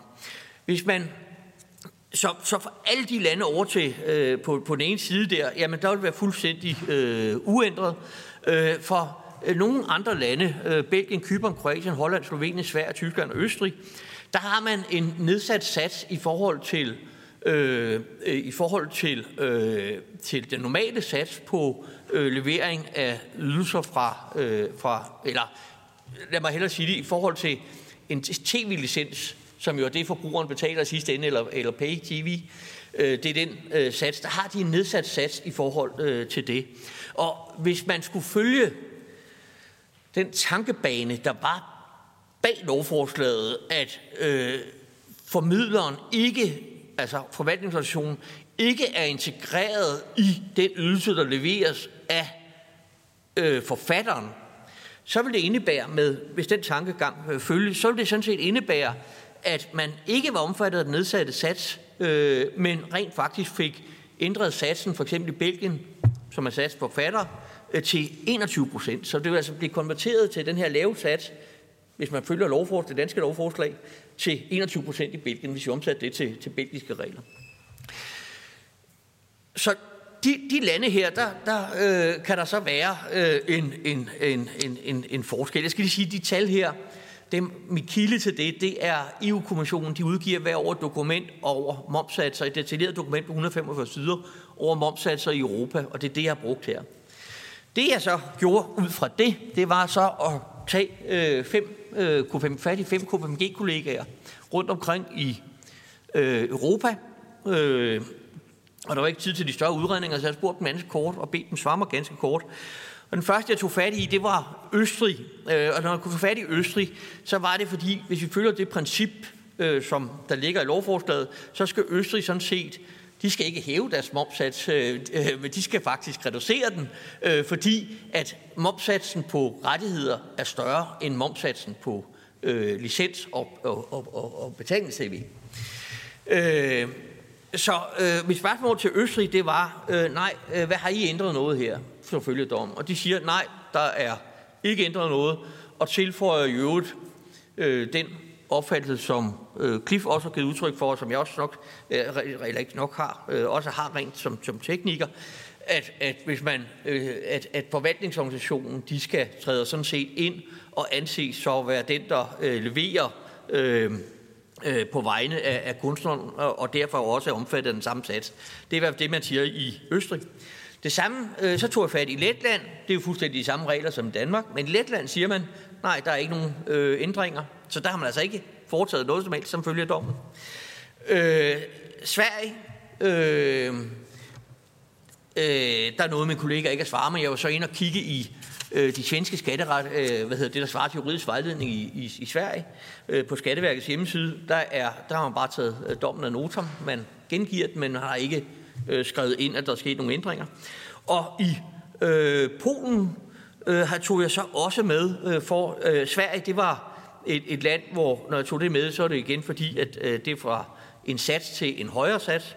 Og Polen tog jeg med, fordi det var uændret. Øh, og i Polen siger man, øh, der har man heller ikke øh, nogen øh, særlige truffet nogen særlige foranstaltning. Så der er altså ikke nogen af de fem lande, jeg har spurgt, hvor man har foretaget sig nogle ændringer som følge af øh, dommen. Øh, så derfor kan man sige på den måde, den her med, hvordan har de implementeret det her i de andre lande, nu har jeg snakket lang tid, og egentlig kommet med en meget tam konklusion, de har ikke foretaget sig noget som helst. tak for det. Jamen, øh, tak for indlægget, Flemming, og tak fordi, at du hoppede til med så kort varsel. Det var svært at finde en, der ville øh, kunne fortælle os lidt om, hvordan man implementerede i andre lande, så det, vi var rigtig glade for, at du ville hjælpe os og, og klarlægge det, så vi fik lidt syn for sagen. Nu er det blevet tid til spørgsmål, og hvis øh, I ønsker øh, at stille spørgsmål, så vil jeg bede jer om at markere og række hånden op, og så vil vi notere jeres navn. Det gælder også for medlemmer, der følger høringen via Teams. Her er, har vi nu øh, i starten af høringen også fået Janne Jørgensen på fra Venstre, Øh, og derudover så er der også Charlotte øh, Brumann Mølbæk på stadigvæk fra SF. Øh, af hensyn til seerne ved tv-transmissionen og medlemmerne på Teams vil jeg bede om at benytte jer af mikrofon. Jeg henstiller til, at spørgsmål bliver holdt kort og præcise, så vi når så mange spørgsmål som muligt. Vi øh, tager to spørger ad gangen, og den første spørger, det er Troels. Ja, tak for det, og øh, beklager, at jeg sådan set ikke har noget spørgsmål, men jeg vil bare gerne sige tak for, for jeres indlæg. Jeg har nemlig en meget skarp kant. Øh, jeg skal med være med i en debat ude i Danmarks Radio lige her om lidt, så jeg bliver nødt til at gå nu lige her øh, om et minut. Men jeg vil gå tilbage og, og følge resten af, af høringen her og efterfølgende på, på Folketingets tv-kanal. Men jeg vil gerne sige jer tak for nogle meget, meget fine indlæg, og I er med til at kvalificere vores øh, lovarbejde. Og øh, heldigvis er det jo også sådan, at, at vi i det daglige har jeg haft kontakt med flere af jer, også undervejs øh, i det her lovforslags til, tilblivelse. Så øh, rigtig mange tak for, for indlæggene. De har bestemt gjort indtryk, og så må vi se, hvad vi kan øh, finde ud af i det fortsatte lovarbejde. Men tak for det. Ja, alle udvalgsmændene har meldt sig, så jeg tager bare for en række af. Katrine Oldag fra Radikale Venstre som den næste. Jeg vil også gerne sige tak. Jeg øh, blev utrolig meget klogere undervejs. Øh, meget grundige indlæg, vil jeg sige. Og mange af de spørgsmål, jeg havde, dem har I faktisk også lykkes øh, at svare på internt, inden jeg kom frem. Så mange af dem, jeg har, måttet, jeg har kunnet stryge igen. Flemming satte øh, også en del, en del skab på plads til sidst. Øh, en, øh, jeg vil også sige til Stefan, øh, spørge dig, øh, jeg kan i den grad godt sætte mig ind i, altså jeg har et meget stort øh, omgangskreds, som er øh, skabende kunstnere. Og øh, hvis Skattestyrelsen, jeg vil meget nødt til at Skattestyrelsen og sidde og rådgive de mennesker om, hvordan de skal administrere øh, deres moms. Altså, jeg, jeg ved ikke, hvem af dem jeg helst ikke vil være, om det er kunstnerne eller det er skattemedarbejderne. Så jeg synes, det er en, en rigtig god. Vi har jo faktisk i, vi har jo ændret lovforslaget, således at det er, øh, øh at det er øh, for eksempel øh, Copydan, som skal administrere øh, momsen for kunstnerne. Øh, og alligevel så siger du, at du forventer, at der vil komme 10.000 plus øh, momsregistrerede øh, kunstnere eller rettighedshaver. Og det vil jeg egentlig gerne, øh, øh, hvorfor tror du det, at der på trods af den ændring vil komme det? Øhm, så synes jeg også, der, der er et spørgsmål, der ligesom hele tiden øh, cirkulerer lidt i mit hoved øh, til jer, som sidder øh, og øh, er, øh, sidder med de forskellige antenneforeninger og så videre. Det er blandt andet dig, øh, Søren. I har vel tidligere også oplevet, at der har været prisændringer, som på en eller anden måde har påvirket medlemstanden i de her øh, øh antenneforeninger eller abonnementhaver. Øh, så når du siger, Ip, at I forventer et fald på mellem 0,5 og 3 procent. Hvad er det så baseret på? Har I en eller anden form for data? Har I nogle erfaringer fra tidligere prisændringer, øh, I der hælder jeg til, eller er det en ren formodning? Så det vil være mit udgangspunkt. Tak for det. Jeg vil, jeg vil tage en spørge mere med, fordi Troel stillede ikke et spørgsmål, så jeg tænker, at vi kan tage Birgitte Bergman med i samme omgang her.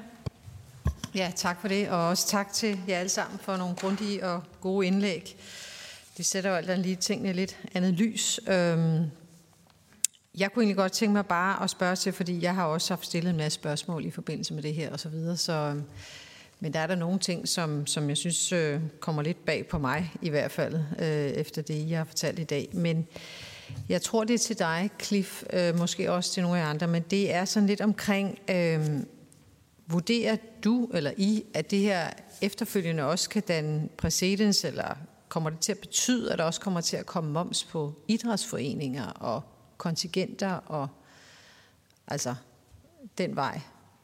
Det er jeg lidt nysgerrig på. Tak.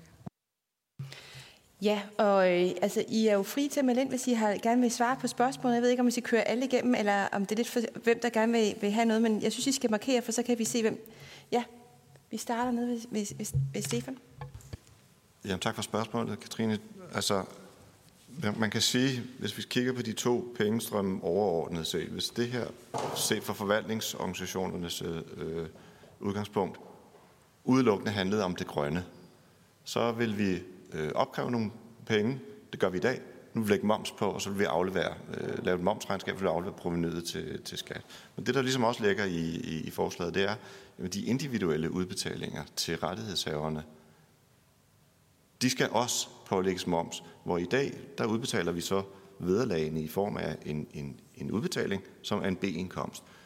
Hvis vi skal til at lave noget self-building, hvor de princippet sender en, en, en faktura ind til os, og så er der nogle af det, noget af det her, der skal momses, og vi skal hjælpe dem med at holde styr på, hvornår det er momspligtigt, hvornår det er ikke momspligtigt.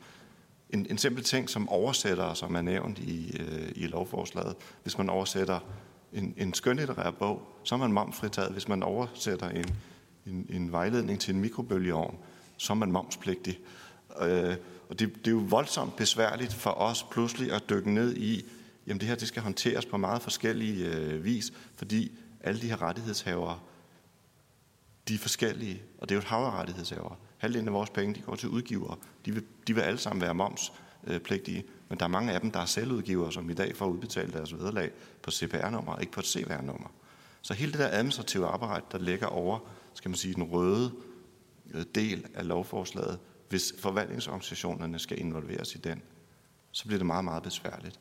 Man kan, vi kender det lidt anderledes fra, fra, øh, for jeg snakker med nogle af vores øh, svenske kollegaer. Jamen der er det sådan, at de opkræver, og så afleverer de. Hvis der så er nogle af deres øh, modtagere, som i forvejen er momspligtige i andre årsager, så kan de godt håndtere det. Men det der med, at man skal ud og så navigere i det her øh, lovforslag i forhold til, at man den ene eller den anden type, det bliver meget, meget administrativt besværligt. Vi for, alene i tekst og noget fordeler vi øh, vederlag til plus 70.000 rettighedshaver om året, som vi så pludselig skal til at holde, øh, holde styr på. Og, og tallene, de vokser voldsomt, når vi tæller alle rettighedsorganisationer med. Så det er en meget, meget voldsom administrativ byrde på det område. Ja, Og øh, der var et spørgsmål til Søren Birksø Sørensen, der også har markeret, han gerne vil svare. Så værsgo, Søren. Ja, jamen det er jo rigtigt. Det er jo ikke første gang, at ting stiger. Øh, der må jeg jo så sige, det vi har, øh, man kan sige, vores tradition er jo, at det er foreningsdrevet, så vi har ikke sådan nogle store øh, markedsanalyseafdelinger og sådan noget. Øh, men man kan sige, det, i hvert fald så er der altid utilfredshed, når ting stiger. Men, men de fleste andre gange, så er ting jo stedet, fordi, at, og så kan vi ligesom forklare det. Altså, som I også var inde på, enten så får man måske nogle flere tv-kanaler ned i, altså der kommer en, flere tv-kanaler ind i parken, eller at tv-kanalen i øvrigt stiger i pris, altså det er fordi, at nogle af de, noget af det indhold, som de har, stiger i pris. Det, det, så man kan sige, det er der, hvor vores bekymring er den her gang, øh, udover at vi jo taber kunder, eller folk nedgraderer eller vælger fra, når ting stiger i pris, så kan man sige, at den her gang vil det så være en stigning, som jo, den kan jo godt forklares, fordi det er jo fordi, der har været et flertal i Folketinget for, at den skulle stige, men det er så ligesom også den eneste grund, der er. Og som siger, vi fik ikke noget som helst andet end en prisstigning. Øh, så, så, så der kunne man jo måske godt være lidt mere bekymret for, at folk vil så reagere. Plus, at man kan sige, at det her jo så kommer som, altså det kommer så ind i en udvikling, som er i gang. Så, så det var også derfor, jeg skrev i mit oplæg der, at, altså, at, at, at det der er risikoen meget for os at se, det er, at det her kan forsere en udvikling, som er på vej. Og det er virkelig en, en udvikling, som vi ud fra en hel masse andre betragtninger synes er relativt skidt. Altså, at, at vi får splittet det der sted ad, hvor man har adgang til alt det, som vi grundlæggende synes er godt, man skal kunne se, men nu skal du meget mere aktivt opsøge det. Og, og det, det er i hvert fald meget bekymringen, om man så vil få opsøgt det, som vi synes er det, der binder øh, vores demokratiske samtale og vores øh, fællesskab sammen. Er det det, man vil opsøge? Det kan godt være, at badehotellet stadigvæk få forsere, hvis det var en ren, en ren streaming, et rent streaming-univers. Der kunne være masser af andre ting, som man ikke vil opsøge aktivt, som man meget mere i gåsøjen falder over, når det ligger på den fjernbetjening, du er vant til at se, og det kommer som en del af din Flow-TV-pakke. Så, så, så, så det er nogle af de der ting, hvor vi siger, at omkostningen er selvfølgelig en strenge økonomisk omkostning, men i virkeligheden er vi bange for, at den afledte omkostning er meget større, udover den også er større økonomisk, fordi det skubber bagud, men, men også at det tab, der er der, bliver, på en helt, altså bliver et tab, som ikke alene er et økonomisk tab, men i virkeligheden et tab af nogle helt andre ting, som er meget vigtigere. Ja, så har jeg noteret ned i Konrad Jensen. Værsgo. Det var, jeg havde to eksempler med, øh, for at illustrere effekten af det her. Det ene på, på, på, på 0,5 procent, og det andet på 3 procent. Jeg er sikker på, eller formoder, at, at de medlemsvirksomheder, der er i organisationen, de har nogle analyseredskaber øh, til at se på, hvad betyder prisstigning og sådan noget, men det er altså ikke nogen, vi har som, som, som forening. Øh, der er tale om en, en, hvad skal man sige, en megatrend på tv-markedet i øjeblikket, hvor der sker en afvandring fra traditionel tv over i retning af on-demand, som har stået på i nogle år. Øh, det er beregnet på et tidspunkt, øh, at, at der i løbet af et år forsvandt ca. 100.000 øh, husstande med, med, med Flow TV. Og det svarer jo altså til, til cirka 5 procent. Øh, det vil så bare sige, det er, at, at den her moms, indførelsen af moms spiller ind i den markedsdrevne trend, der er i forvejen. Der sker en kæmpe omvæltning på, på hele tv-markedet, som, som driver den afvandring. Risikoen er, at, at den kommer vi til at skubbe yderligere til. Øh, men jeg har ikke nogen præcise tal på, vi kan se ind, men, men jeg er sikker på, at næste år så vil vi se, at der er faldet måske yderligere 100.000 ud af tv-markedet. Hvad har så været årsagen?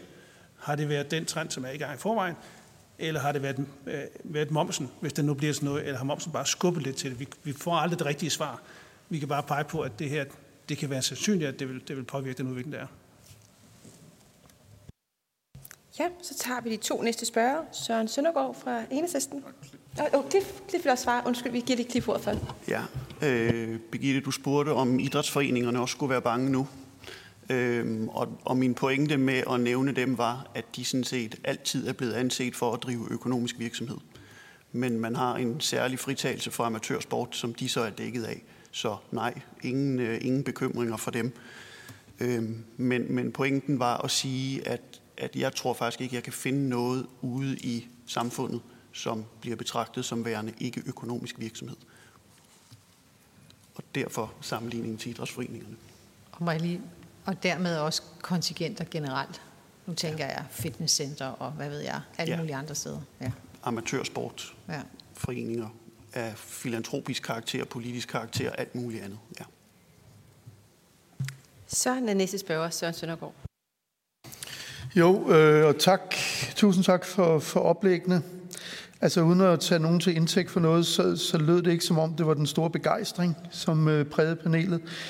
Altså jeg kunne sådan set godt have tænkt mig andre end Skatteministeriet, som jo heller ikke rigtig har forsvaret det, øh, så kunne jeg godt tænke mig, at der var nogen, der stillede sig op og sagde, at det her det er sommer et godt forslag, fordi...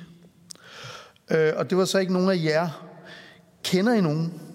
Altså har I hørt om nogen ude i landskabet, som vi eventuelt kunne invitere, der kunne forklare, hvorfor det her er et godt forslag, andet end at det skulle skaffe de der millioner til, til øh, fængsler i Kosovo? Øhm, har I hørt om det i de diskussioner, I har haft? Øh, det synes jeg er, er lidt vigtigt for os. Øh, så har jeg nogle mere konkrete spørgsmål. Øh, og det er måske det første, det er måske til, til, til Cliff primært, men måske også til KPMG. Øh, kan der være et argument omkring momsvindel, der begrunder, at man tilstræber en harmonisering af satserne? Altså, øh, er der, er der et grænseoverskridende salg af rettigheder, hvor spørgsmålet om forskellige momssatser på nogle måder kan, kan komme ind? Altså, det blev præsenteret i forbindelse med, at vi havde debatten i Folketinget, øh, og derfor ville jeg godt høre, om der var nogen, der kunne, kunne sige noget om det. Øh, det andet øh, spørgsmål, jeg har, det er måske til Søren fra, øh, fra øh, FDA, og det er måske også lidt til Martin eller Ip. Fordi det, det du sagde, Søren, det var, at det man kunne vælge øh, fra tv-pakdistributøren, det var noget mindre. Øh, altså enten kunne man lægge prisen over på kunderne, eller man kunne vælge noget mindre øh, i pakkerne. Øh, kan man også vælge noget andet? Øh, er der forskel på, hvad man betaler, og hvor er det så, man kan få det billigste? Altså man kan godt sige, at vi opretholder stadigvæk at have 17 eller 22 tilbud i den store pakke. Det er bare noget andet, der ligger der. Hvad er det så, vi får i stedet for det, der går ud? Hvad er det dyre, og hvad kunne være det billige, det kunne, øh, kunne erstattes med? Øhm, det tredje spørgsmål, øh, som jeg måske ikke helt forstod, øh, og det, det var Martin, men Ip kom også lige ind på det. Hvad er den oprindelige begrundelse for, at streamingtjenesterne er momset? Er det fordi, det ikke er public service eller ikke er dansk indhold, og derfor er de ikke underlagt undtagelsen? Altså det opfattes som rent kommercielt, eller, eller hvad er den oprindelige begrundelse for, at de ikke er momset? Så er de så ikke, heller ikke søgt om at undgå momsen, så vidt jeg kunne forstå på dig, men, men hvad er den oprindelige begrundelse? Øh, og så til sidst, øh, hvad er der nogen af jer, der har et bud på, om der er nogle juridiske muligheder i forhold til at få stoppet eller ændret det her forslag? Altså, øh, kan man... Øh, altså, er EU-domstolen en mulighed? Øh, altså, er, er der nogle steder, man ligesom kan gå hen, en række af de spørgsmål, I har, har stillet og sagt er uafklaret, er der et sted, man kan gå hen og få en anden præjudiciel øh, afgørelse, inden at det er vedtaget? Fordi, som I siger, sådan er det jo i EU. Når først det er vedtaget, altså når vi først har afskaffet vores forbehold på forskellige områder, så er det gone og så får man dem ikke igen. Så derfor kunne det være interessant, om der var nogle steder, man kunne gå ind på forhånd øh, og undersøge det. Tak. Ja, jeg er glad for at se, at I grifter flittigt ned, for der kommer en spørger mere. Øh, og den næste spørger, det er Janne Jørgensen fra Venstre. Øh, jo, tak for det. Altså, mit spørgsmål ligger så sådan set i forlængelse af, af Søren Søndergaards, fordi øh, det vil jo netop være en situation, hvor hvis vi først vedtager øh, det her lovforslag, så, øh, altså, så er løbet kørt, så kan vi aldrig få vores øh, momsfritagelse tilbage. Så altså, hvad er den øh, videre øh, proces? Og er der nogen af jer som aktører, der har taget øh, skridt til øh, at, at, at gå rettens vej eller andet? Fordi jeg har desværre ikke en stor tiltro til, at Skatteministeriet af egen drift vil gøre noget ved det her, så længe de har et politisk flertal i ryggen. Der kan man selvfølgelig håbe på, at øh, den her Øh, høring i dag øh, har fået nogle af øh, de partier, der står bag regeringen i den her sag, til at få kolde fødder. Fordi det er jo mildest talt nye oplysninger, der er kommet frem. Så det vil jeg da synes var helt fair, hvis, hvis nogen gentænkte deres støtte til forslaget. Fordi hidtil har vi jo bare hørt, at der er ikke så meget at gøre. Det er en EU-dom, som vi er tvunget til at følge.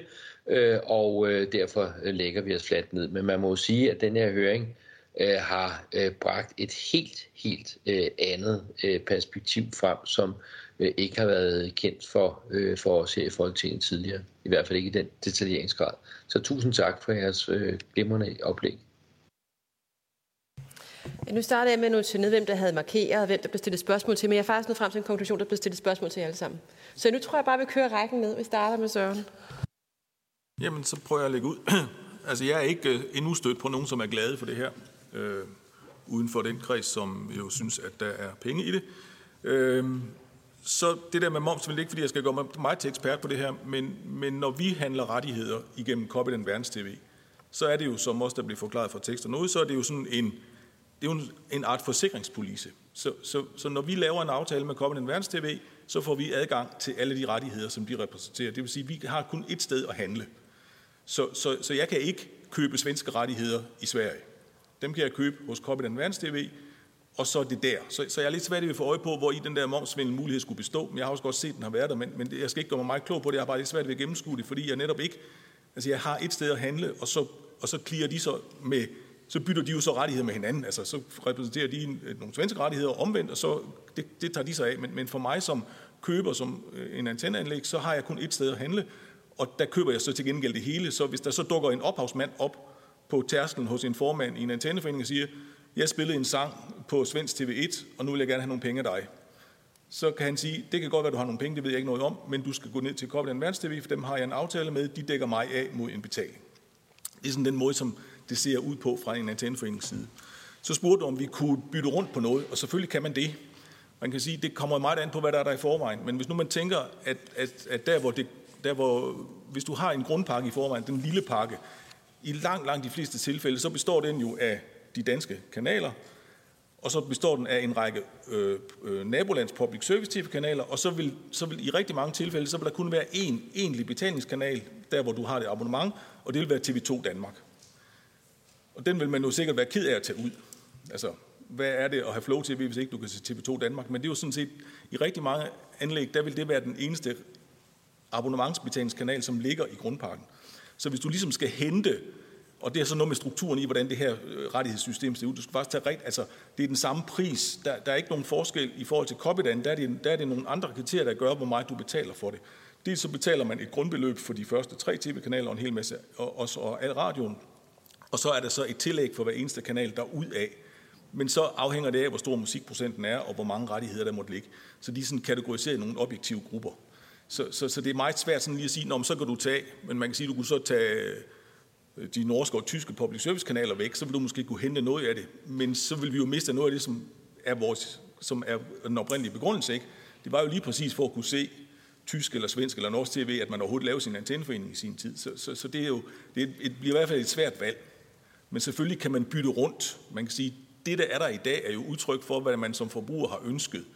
Så, så, øh, så, så det er jo derfor, man har valgt den kombination af kanaler. Men, det er jo, men selvfølgelig vil du kunne tage og sige, at men altså, hvis vi synes, TV2 News er blevet for dyr, på, øh, og vi godt vil have en billigere nyhedskanal, så kan det godt være, at man kan købe en, en international nyhedskanal til en lavere pris.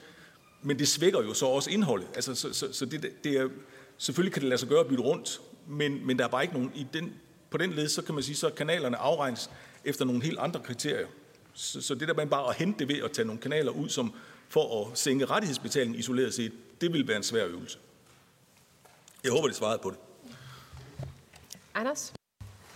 Ja, man kan sige det med, om, øh, om vi har hørt om nogen, der synes, det er et godt forslag. I Dansk Erhverv repræsenterer vi jo, vi jo mange forskellige øh, brancher og virksomheder og, og foreninger og brancheorganisationer. Og lige her er der jo så enighed i, i hele det danske medieøkosystem om, at det er et dårligt forslag, og det er heller ikke altid, der er enighed i, i det system, skal jeg jo også hilse at sige. Men det er heller ikke sådan, så vi har fået henvendelser fra andre medlemmer eller foreninger og sagde, nå, er I virkelig imod det? Det er altså en brandgod idé. Øh, så nej, jeg har heller ikke stødt på nogen øh, i, i den del. Og så jeg tror, I, I kommer ind på det med, med momsbetagelse og, og, og streamingtjenester og sådan lignende. Man skal bare huske, at det kun er rettighedsdelen, der kommer moms på her. Hvis man ser sin sin reklame fra en tv-distributør, så er der jo et, det, vi kalder abonnementsbetaling, den er der jo moms på, det er der hele tiden været, og så er der rettighedsbeløb, og det er den del, vi taler om, og det uden at være ekspert, det er jo noget andet, det kan I komme lidt ind på, det er noget andet for streamingtjenester. Cliff? Ja, jeg kan kun sige eko til, jeg har heller ikke hørt om nogen, der synes, det er et rigtig godt forslag.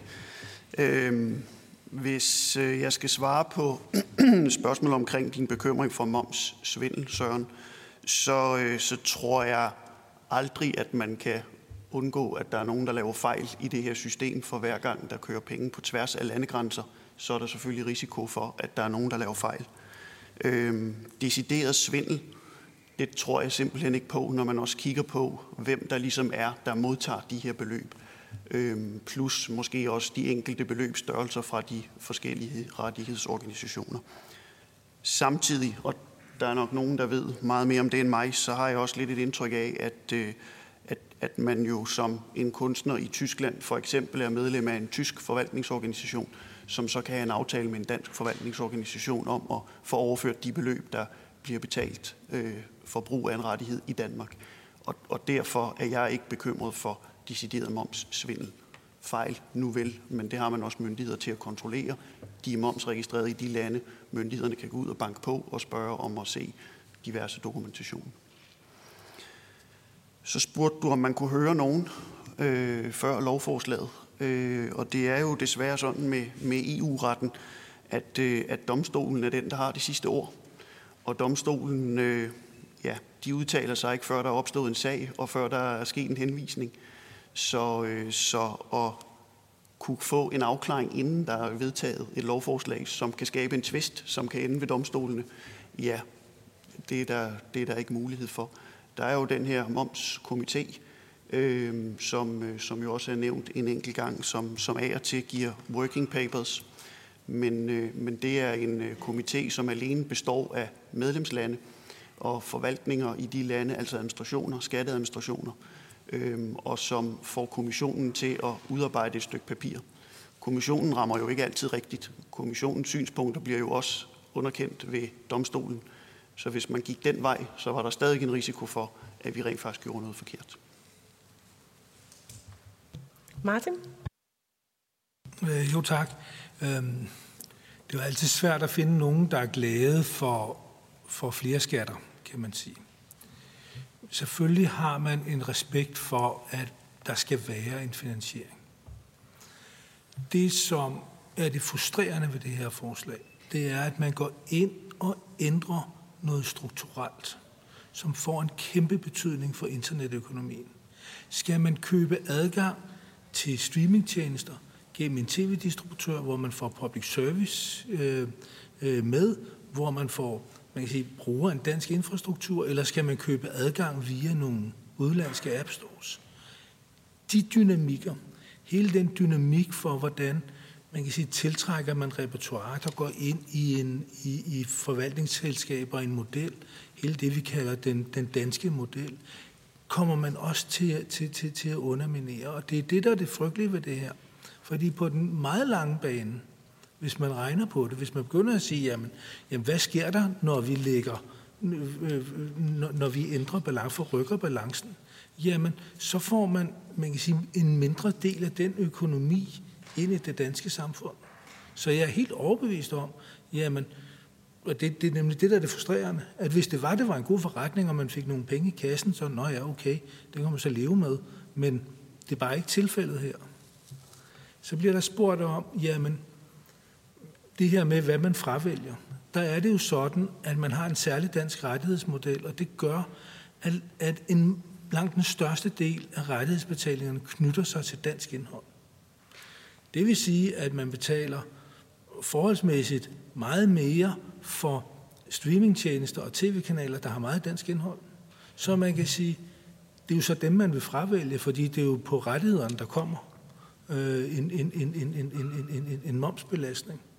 Og det er jo ikke til at sige, hvordan det spiller sig ud. Det kan være, at øh, tv-distributørerne dropper at medtage øh, TV2-regionernes øh, kanaler, i hvert fald uden for den, der lige er i, i, i det pågældende område. Det kan være, at man lader være med at medtage det, det, det, det er tv. Det kan være, det kan være, være så mange ting. Men, men der vil være en besparelse ved at fravælge det, der har meget dansk indhold, for det er rettighedsbetalingerne er. Så bliver der spurgt til, jamen, hvordan er det med, med, med, med, med streamingtjenesterne? Jamen, der er det jo sådan, at hvis vi kigger på Netflix, HBO, øh, Disney, øh, Amazon, de er tæt på 100% udlandsk indhold. Det er også grunden til, at der ikke er så store rettighedsbetalinger i det. Det er også noget med, hvordan man handler rettighederne.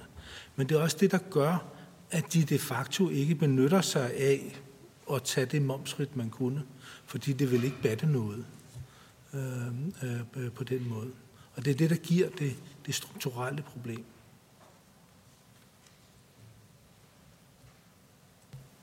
Godt, så giver jeg ordet til Ip. Jeg beder også mærke i, at der blev talt om momsvindel under, i forbindelse med første behandling, men jeg tror måske snarere, at der i vist udstrækning var tale om det, man kalder momstænkning tidligere, hvor man øh, inden, inden reglerne blev ender på det her punkt, kunne man placere sin streamingtjeneste i Luxembourg, hvor man kunne også med at betale 3% i, i moms, og så bare sælge den til danske kunder. Jeg kan huske, at DSB på et tidspunkt havde en plan om at få en filmtjeneste, som de ville købe i, i Luxembourg. Øh, af samme grund, så måtte de opgive det igen. Øh, så, så det med, med svindel, det tror jeg ikke, der er så, er så stort et problem. Med hensyn til kanaler, så skete der jo det tilbage i 2011 eller 12, det er der omkring, at det, man kalder must carry, stort set blev ophævet. Øh, altså pligten til, at, at distributøren skulle have visse kanaler. Faktisk er der kun must carry på to kanaler. Øh, den ene, den sender herfra i dag. Folketingets egen tv-kanal, den skal vi have. Øh, og så øh, tekst, tekst hvad hedder det, for hørehæmmede, den har vi også pligt til. Men, men ellers er der ikke længere pligt til at, at distribuere bestemte kanaler. Og ja, vi kunne godt halvere formentlig momsregningen på det her ved at fjerne blot fire kanaler. Det er et, det er Ramachan, og det er to, og TV2's hovedkanal. Det vil formentlig halvere øh, momsregningen på det her, og det kunne selvfølgelig være mål at gøre, men, men omvendt så har vi givet os selv den forpligtelse i blandt mediedistributørerne, at vi altid har alt dansk public service tv, så det kommer vi ikke til at gøre. Øh, og så er der så spørgsmål om, hvad man i øvrigt kan gøre. Vi har nogle kanaler, som kommer fra, fra, fra nabolandene, som, som jeg ved altid er en tårn i øjet på, på, på tv-kunder. Det hører vi altid. Vi ser aldrig norsk og svensk tv, øh, for eksempel. Øh, og jeg skal ikke kunne sige, om der er nogen af distributørerne, der kunne finde på at gøre det, hvis, hvis, hvis det skulle komme dertil. Øhm, Øh, med hensyn til stream, det har øh, Martin allerede været inde på, altså streamingtjenesterne og, og distributørerne er underlagt nøjagtigt de samme øh, momsregler, som øh, de er begge underlagt de samme momsregler, og de er momspligtige på det, de køber ind af, af abonnementer og den slags der. Men lige præcis på rettighederne, øh, øh, der, der er der så momsfritagelse. Og, og det er hos os, distributørerne, at, at de store rettighedsbetalinger er. Om det kan stoppes der, Ja, altså hvis Folketinget havde sådan en filibusterlovgivning, som man har i, i Washington, så kunne I jo tale herfra til, til sommer, når, når sæsonen slutter, så vil det være overstået. Øh, men sådan tror jeg ikke, det fungerer her, så nej, jeg, jeg har svært ved at se, hvordan vi kan, vi kan gøre noget. Så er det Stefan. Jamen, det er kort til, til det, du, nu kan jeg ikke huske, om du sagde, om der var nogen, der var glade for, eller havde glæde af, og så videre, men, men man, altså, som det også fremgår af, af lovforslaget, så er forvaltningsorganisationerne i sig selv, hvis der kommer moms på, de kan jo begynde at fratrække købsmoms, sådan at, øh, at den moms, vi i dag bare bruger, når vi køber en vare, den kan jo så indgå i et momsregnskab, og dermed bliver det lidt billigere rent administrativt øh, for forvaltningsorganisationerne. Og de penge kan jo så komme, skal man sige, rettighedshaverne til gode. Det er ikke det samme, som vi er glade for det, øh, fordi de administrative besværligheder, det medfører, de overstiger meget, meget, meget, i meget, meget, meget høj grad det, det, det lille bitte mere proveny, man vil kunne få ud af at, øh, at, øh, at, at fratrække øh, købsmoms. Som jeg sagde før, vi fordeler til cirka 70.000 rettighedshaver, plus 70.000 rettighedshaver. Jeg har hørt om måske under en håndfuld, det er nogle professorer eller aktører et eller andet sted derude, som i dag har et, et negativt regnskab, som måske også kunne have glæde af at øh, at trække den her fra. Men vi er altså nede på noget, som jeg måske ikke engang skal bruge alle fingrene af dem, jeg har hørt, som vil have, have glæde af det. Det generelle billede er, at det her bliver meget, meget besværligt, også ude i, også ude i rettighedshaverledet, når pengene skal, skal vide. Men med far for at være lyseslukker, så er der nogle forvaltningsorganisationer, som kan nedbringe deres administrationsprocent på, på, på det her. Det betyder ikke, at vi er glade for det. Ja, og så er det Flemming. Ja, øh, hvis jeg også lige skal, skal samle op, øh, så lige for at starte med det også, I sagde der, ikke? Øh, altså det eneste, det, det er, det er et, øh, heldigvis et meget øh, øh, kontrolleret, reguleret område, dels via øh, de regler, der gælder inden for kulturområdet, altså om selve ophavsrettighederne, øh, og, og så at vi har øh, organisationerne. Øh, og, og svindel, som jeg plejer at sige, det er jo altid, det skal, det, der skal det selvfølgelig have noget at svinde med, men, men det er jo altid det subjektive, altså personen, svinderen, der, der udfører det. Og, og det er heldigvis meget øh, utroligt godt øh, reguleret. Men det er desværre også det, som jo efter Skatteministeriets opfattelse, fordi vi har de her organisationer som mellemled, øh, at, at, at der så øh, dukker et moms op. Øh, der var kun med altså Luxembourg, men det var jo så fordi øh, Luxembourgs stat forsøgte ligesom at lave noget skattearbitrage ved at hive masser af selskaber. Det sig. det er der heldigvis lavet om på på, på EU-plan, så der altid er moms i, i forbrugslandet på det her. Øh, øh, vi, det, det, og, og så til de spørgsmål så om, omkring det her med, hvad kan vi gøre? Altså, øh, der er faktisk, som Cliff sagde, der skal være, et, der skal være truffet en, en, en afgørelse. Der kan ikke træffes nogen afgørelse, før end der sådan set foreligger en, en, en lovgivning. Problemet er, at hvis vi laver den lovgivning, så havner vi lige præcis i den situation, som Spanien havnede i at øh, de havde indført øh, momspligt, og så sagde de, at nej, det vil vi ikke have alligevel. Hvor kommissionen så lægger sag an mod Spanien og siger, jo, men I har indført den. Øh, så nu fanger øh, bordet. Og, og man kan ikke bare, man kan sige, vi kan ikke gennemføre det, og så sige, nu bliver vi så enige om, og nu så kører vi en sag på det, fordi bordet øh, øh fanger simpelthen. Så mit bedste bud er også, som, som Cliff sagde, øh, det der hedder EU's momskomité, eller VAT Committee, øh, hvor, hvor medlemslandene sidder og, og, og, og drøfter øh, de her ting. Det er som sagt, øh, på den her meget korte research, jeg har lavet, så er det mit, mit indtryk i hvert fald, at at, at der er en, en, en forskellig opfattelse, og måske også en, en, en, en, en, en temmelig øh, forskellig opfattelse fra den danske.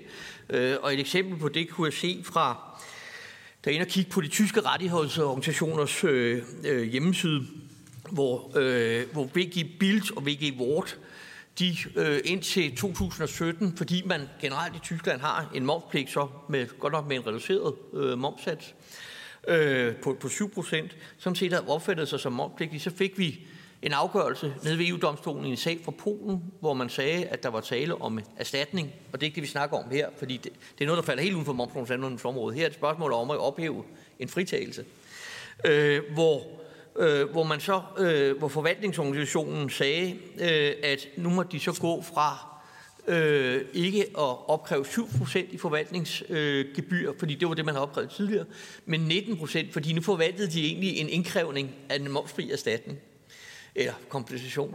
Og det tyder på, hvis, hvis det er rigtigt, hvis de har forstået det rigtigt i forhold til, hvis jeg kan læse tysk rigtigt, og de har forstået det rigtigt i forhold til, til de tyske regler, øh, så betyder det rent faktisk, at man i hvert fald i Tyskland, og også ser ud til de andre lande, fordi man ikke laver noget øh, skift på grund af domstolens øh, afgørelse, at man rent faktisk siger, jamen forvaltningen, øh, øh, de træder ind i i øh, rettighedshaverens sted, og det, det, øh, derfor skal de også behandles som om, at de var rettighedshaveren.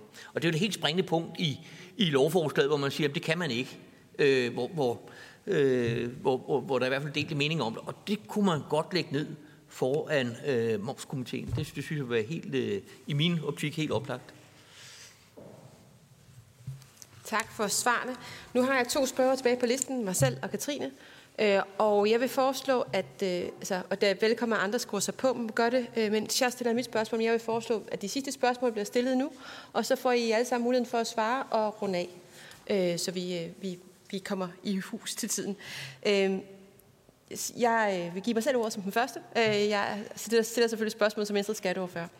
Øh, og jeg vil bare sige, at jeg synes, at det har været utroligt spændende at høre, og, og det har sat nogle perspektiver på, som vi manglede, så det har været virkelig nyttigt med en, en høring. Jeg synes, det er demokratiet, når det fungerer bedst. Øhm, men mit første spørgsmål går til Clifford Fleming. Fordi skal jeg forstå det her, som om det her det er ikke en minimumsimplementering? Det er måske ikke engang en overimplementering. Det er implementering af noget, der faktisk ikke vedrører os på grund af en standstill. Og den her standstill, er det en standstill i forhold til kunstnerisk virksomhed? Øh, er det sådan, jeg skal forstå det? Øh, fordi det er jo interessant, altså fordi det er jo det, vi bliver tudet ørerne fulde med. Det, det skal vi gøre. Det er EU-lovgivning, det skal vi gøre. Øh, og, og der vil jeg bare gerne lige have skåret fuldstændig ud i pap, at det her, det er ikke noget, vi skal implementere. Det er mit første spørgsmål. Så kunne jeg godt tænke mig, øh, og det er nok især til Stefan, der har været rigtig meget fokus på tv. Men du nævner jo også, at det har også en betydning for alle de baser, I lægger ud til, til hvad det hedder, til skolerne. Øhm, og derfor så kunne jeg måske godt tænke mig, hvis du kunne få lidt ud for os, ud over tv, hvem er det så, øh, der bliver omfattet af det her? øh, om du vil være rar at gøre det. Og så endet, så vil jeg spørge, og der er jeg ikke helt sikker på, hvem er, jeg skal spørge på det, hvem der er bedst til at svare, men jeg kunne forestille mig, at det ville måske være, være Ib eller Martin, eller, eller så er det også øh, Stefan på det, øh, hvor de her omkostninger, der kommer forbundet med momsen, noget af det ryger vel oven i prisen, men noget af det ryger det tilbage på kunstnerne. Altså, de får en mindre betaling for deres ydelse, fordi nu bliver det momspålagt. Så man fordeler omkostningen. Jeg er jo økonomuddannet, så normalt vil du sige, hvis du pålægger en skat eller en moms, så pålægger du, så bliver den fordelt byrden på flere forskellige. Og det kunne være, at I kunne komme ind på det. Det var mine spørgsmål. Katrine, så dig. Jamen, det er sådan lidt på bagkanten af den her diskussion, også øh, min, min kollegers øh, kommentar øh, og spørgsmål. Så bliver jeg simpelthen nødt til at adressere også øh, elefanten i rummet her. Fordi faktum er jo, øh, at de her penge er reserveret. Det her proveny er reserveret til Kriminalforsorgens aftale. Så jeg vil også sige, altså Socialdemokratiet, Dansk Folkeparti, Socialistisk Folkeparti og Konservativ Folkeparti har en særlig forpligtelse til at finde en måde at få implementeret L 106 på en fornuftig måde. For det er de partier, der kommer til at stemme den igennem i Folketinget, når vi endelig skal stemme om den. Jeg forventer, at alle de partier, som ikke er med i Kriminalforsorgsaftalen, vil stemme imod. Men det er måske også de partier, der sidder tilbage her i dag, som kommer til at stemme imod, øh, som rent faktisk går ind i det her arbejde aktivt med at prøve at få L106 til at lande på en ordentlig måde. Og der synes jeg vidderligt, at dem, der sidder og lytter med, for de partier, jeg lige nævnte, har en forpligtelse til at få deres skatteordfører til at se den her høring, minut for minut, ikke noget med at spole, få set hele baduljen, fordi det er super vigtigt at få landet den her fornuftigt. Og jeg vil også bare lige sige til jer, og det er også lidt på bagkanten af, at øh, hr. Jan, Jan Jørgensen han forsøger at, øh, at tvære den her af på samtlige støttepartier. Det er altså ikke der ansvaret ligger, kære venner. Det er hos de partier, der laver kriminalforsorgsaftalen. Og til Søren, når du skal svare dine medlemmer, hvorfor der kommer prisstigninger, så kan du sige, at de der prisstigninger de er nødvendige for at betale for fængselspladser nede i Kosovo. Godt. Til det konkrete spørgsmål. Cliff, øh, du nævnte, øh, nu bliver det teknisk igen, tilbage til det tekniske. Øh, du nævnte, øh, at vi jo, at standstill sådan set bare, altså jeg har tidligere spurgt til, hvorfor vi ikke bare kan lave standstill på det her, og så har jeg fået svar fra Skatteministeriet, der siger, at standstill kan man ikke lave på kunstneriske rettigheder. Så hvad vil din modkommentar være til det?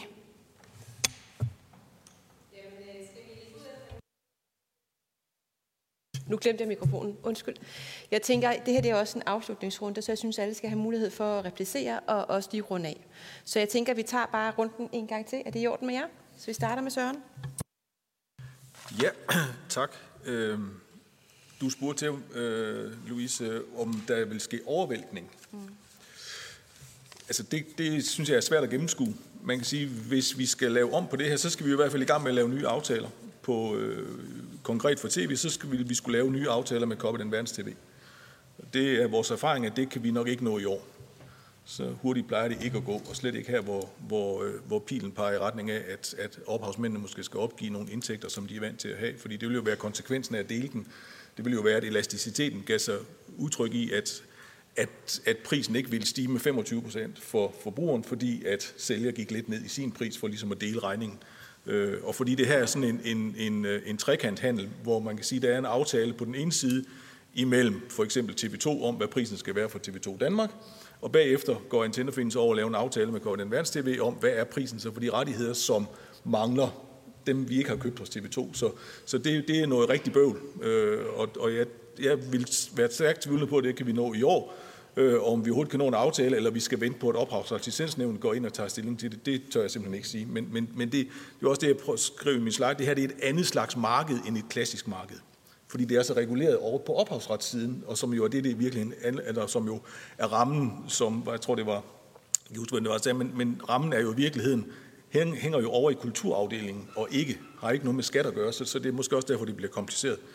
Og, øh, og så det der med, jamen tak for, hvad jeg nu skal sige, hvorfor at, øh, at prisen stiger, hvis prisen stiger. Øh, altså, jeg, jeg er ikke, øh, ikke, ikke, ikke ekspert i EU-forhold, men sådan som jeg kan se det, og med, og med den grundighed, jeg har fulgt med i det her, så, så handler det her om, om man politisk i Danmark vælger at indføre moms, eller ikke vælger.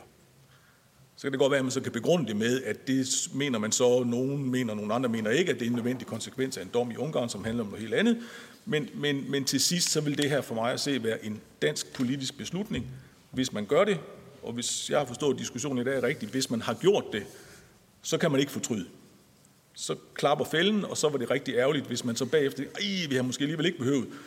Så, så, så opfordringen vil jo være, at, tror jeg altid gør, men at man tænker sig rigtig grundigt om, også fordi der ikke er nogen bagvej, altså eller der er ingen vej bagud i det her, og konsekvenserne er mere end kun, at nogle forbrugere måske stiger en lille smule i tv-pakkepris. Det er også, som også Martin har været inde på, at hele det her er et meget fintunet system, som i forvejen er usikkert, og hvis I gør det her, så vil I skubbe den der usikkerhed i den gale retning. Så vil vi Risikoen er, at vi mister en hel masse øh, flow-tv-pakker, øh, kunder, som så ikke længere vil have adgang til det, som vi alle sammen synes er vigtigt. Og når, det her, når jeg kan sige det på den her måde, så er det også fordi, at dem jeg repræsenterer er jo lige præcis forbrugere først og fremmest. Altså antenneforeningen er her jo ikke andet end for at løse den opgave i fællesskab, at man gerne vil kunne se det, man har lyst til at se. Og så, så derfor er det, en, for mig at se, er det en politisk beslutning. Det er vi vant til i Danmark. Jeg håber, I træffer den rigtige. Og Anders, værsgo. Jamen ganske kort, jeg vil bare komme ind på, ja, det er jo rigtigt, at, at øh, det her giver et proveny, der allerede er reserveret til noget i et helt, på et helt andet område. Der er ikke noget om kunst og kultur at gøre, snart tværtimod. Men man har jo heldigvis øh, givet sig selv tid til 1. januar 2023. Man har ikke regnet provenyet ind før det. Nu har vi de her høringer. Øh, skulle det vise sig, at øh, man ikke indfører så har man jo så også et stykke tid til at prøve at finde en, en anden finansiering. Men man skal så også huske, at i den politiske aftale har man jo så også forpligtet sig på, at aftalepartierne, at der, det skal være en minimumsimplementering af denne her så omtalte rumænske dom. Og det kan godt være, at ordet minimumsimplementering er lidt mere håndgribeligt end beløbet 215 millioner kroner. Men det bør jo forpligte øh, lige så meget, at det er det, man har aftalt. Og hvis det så står klart efter høringen i dag, at vi ikke behøver at ændre noget på grund af den rumænske dom, så bør man jo også gå tilbage og sige, at det var det, vi aftalte, og så må vi finde finansieringen et andet sted. Altså begge dele må jo være lige bindende, om man så må sige, i den aftale, man har indgået. Cliff. Tak. Ja, øh, jeg vil forsøge at svare både dig, Louise og, og Katrine sådan lidt på samme, på samme tid. Øh, minimumsimplementering, det er der efter vores bedste vurdering ikke tale om, fordi dommen som sagt slet ikke behandler de her helt centrale spørgsmål om, hvorvidt forvaltningsorganisationerne kan være omfattet af fritagelsen. Det er noget, Skatteministeriet er startet med at sidde og kigge på, på en eller anden anden baggrund, som vi jo så ikke kender. Når vi så har vurderet, om man så kan være omfattet af fritagelsen som øh, forvaltningsorganisation, jamen så, hvis jeg hører Flemming ret, så bekræfter han jo også, at andre lande kigger på forvaltningsorganisationerne på samme måde, som de kigger på kunstnerne. Så hvis kunstnerne har en nedsat sats, så har forvaltningsorganisationen det også. Og det er jo egentlig det samme, som vi siger, vi har i Danmark. Vi har en nulsats eller en fritagelse på kunstnerne, og derfor kan vi også godt have det på, øh, på forvaltningsorganisationerne. Og det er jo lidt det, der så bliver vores påstand godt nok, men, men, øh, men det er jo også det, der er lidt af baggrunden for, at vi mener, vi har haft en fritagelse, altså at forvaltningsorganisationerne har været omfattet af standstill hele vejen igennem i alle de 43 år. Hvis man kigger lidt på, nu bliver det også lidt teknisk, på historikken i momsloven, øh, så før 78, der havde vi moms på alt, hvad der var salg af varer, og så havde vi nogle få specifikke ydelser, som, øh, som vi så lagde moms på. I 78 vendte man ligesom det hele rundt og sagde, alt er momspligtigt, medmindre det specifikt er omfattet af en fritagelse. Og i den sammenhæng gled forvaltningsorganisationerne med. Så man må jo på det tidspunkt have tænkt, den fritagelse, vi har, den lander under standstill. Tak. Tak for det. Så er det Martin? Jo, det, et er, at kriminalforsorgsaftalen jo indeholder det her, den her skrivning om, at der skal være tale om minimumsimplementering. Men man kan sige, det fine ved en demokratisk proces er jo også den, at man bliver klogere, at man får belyste tingene på en anden og bredere måde. Og man kan jo se det, og, det, og når man læser svarene igennem på nogle af de spørgsmål, øh, der allerede er besvaret, kan man jo også se, at der er mange af de her ting, som man ikke har undersøgt. Det er sådan set ikke, fordi man skal pege fingre af nogen. Det er jo bare det, der sker, når man har at gøre med noget, der er vanvittigt kompliceret. Så man kan sige, vi har da også det håb, at, at øh, regeringen vil sige, jamen, hmm, når vi nu får foldet det her ud og får set, hvad for nogle strukturelle konsekvenser har det her, er det så klogt at gennemføre? og er det klogt at gennemføre, før man måtte være, være, være, være, være, være tvunget til det. Det, der, øh, det, det, det, det skal der forstå som en, som en opfordring.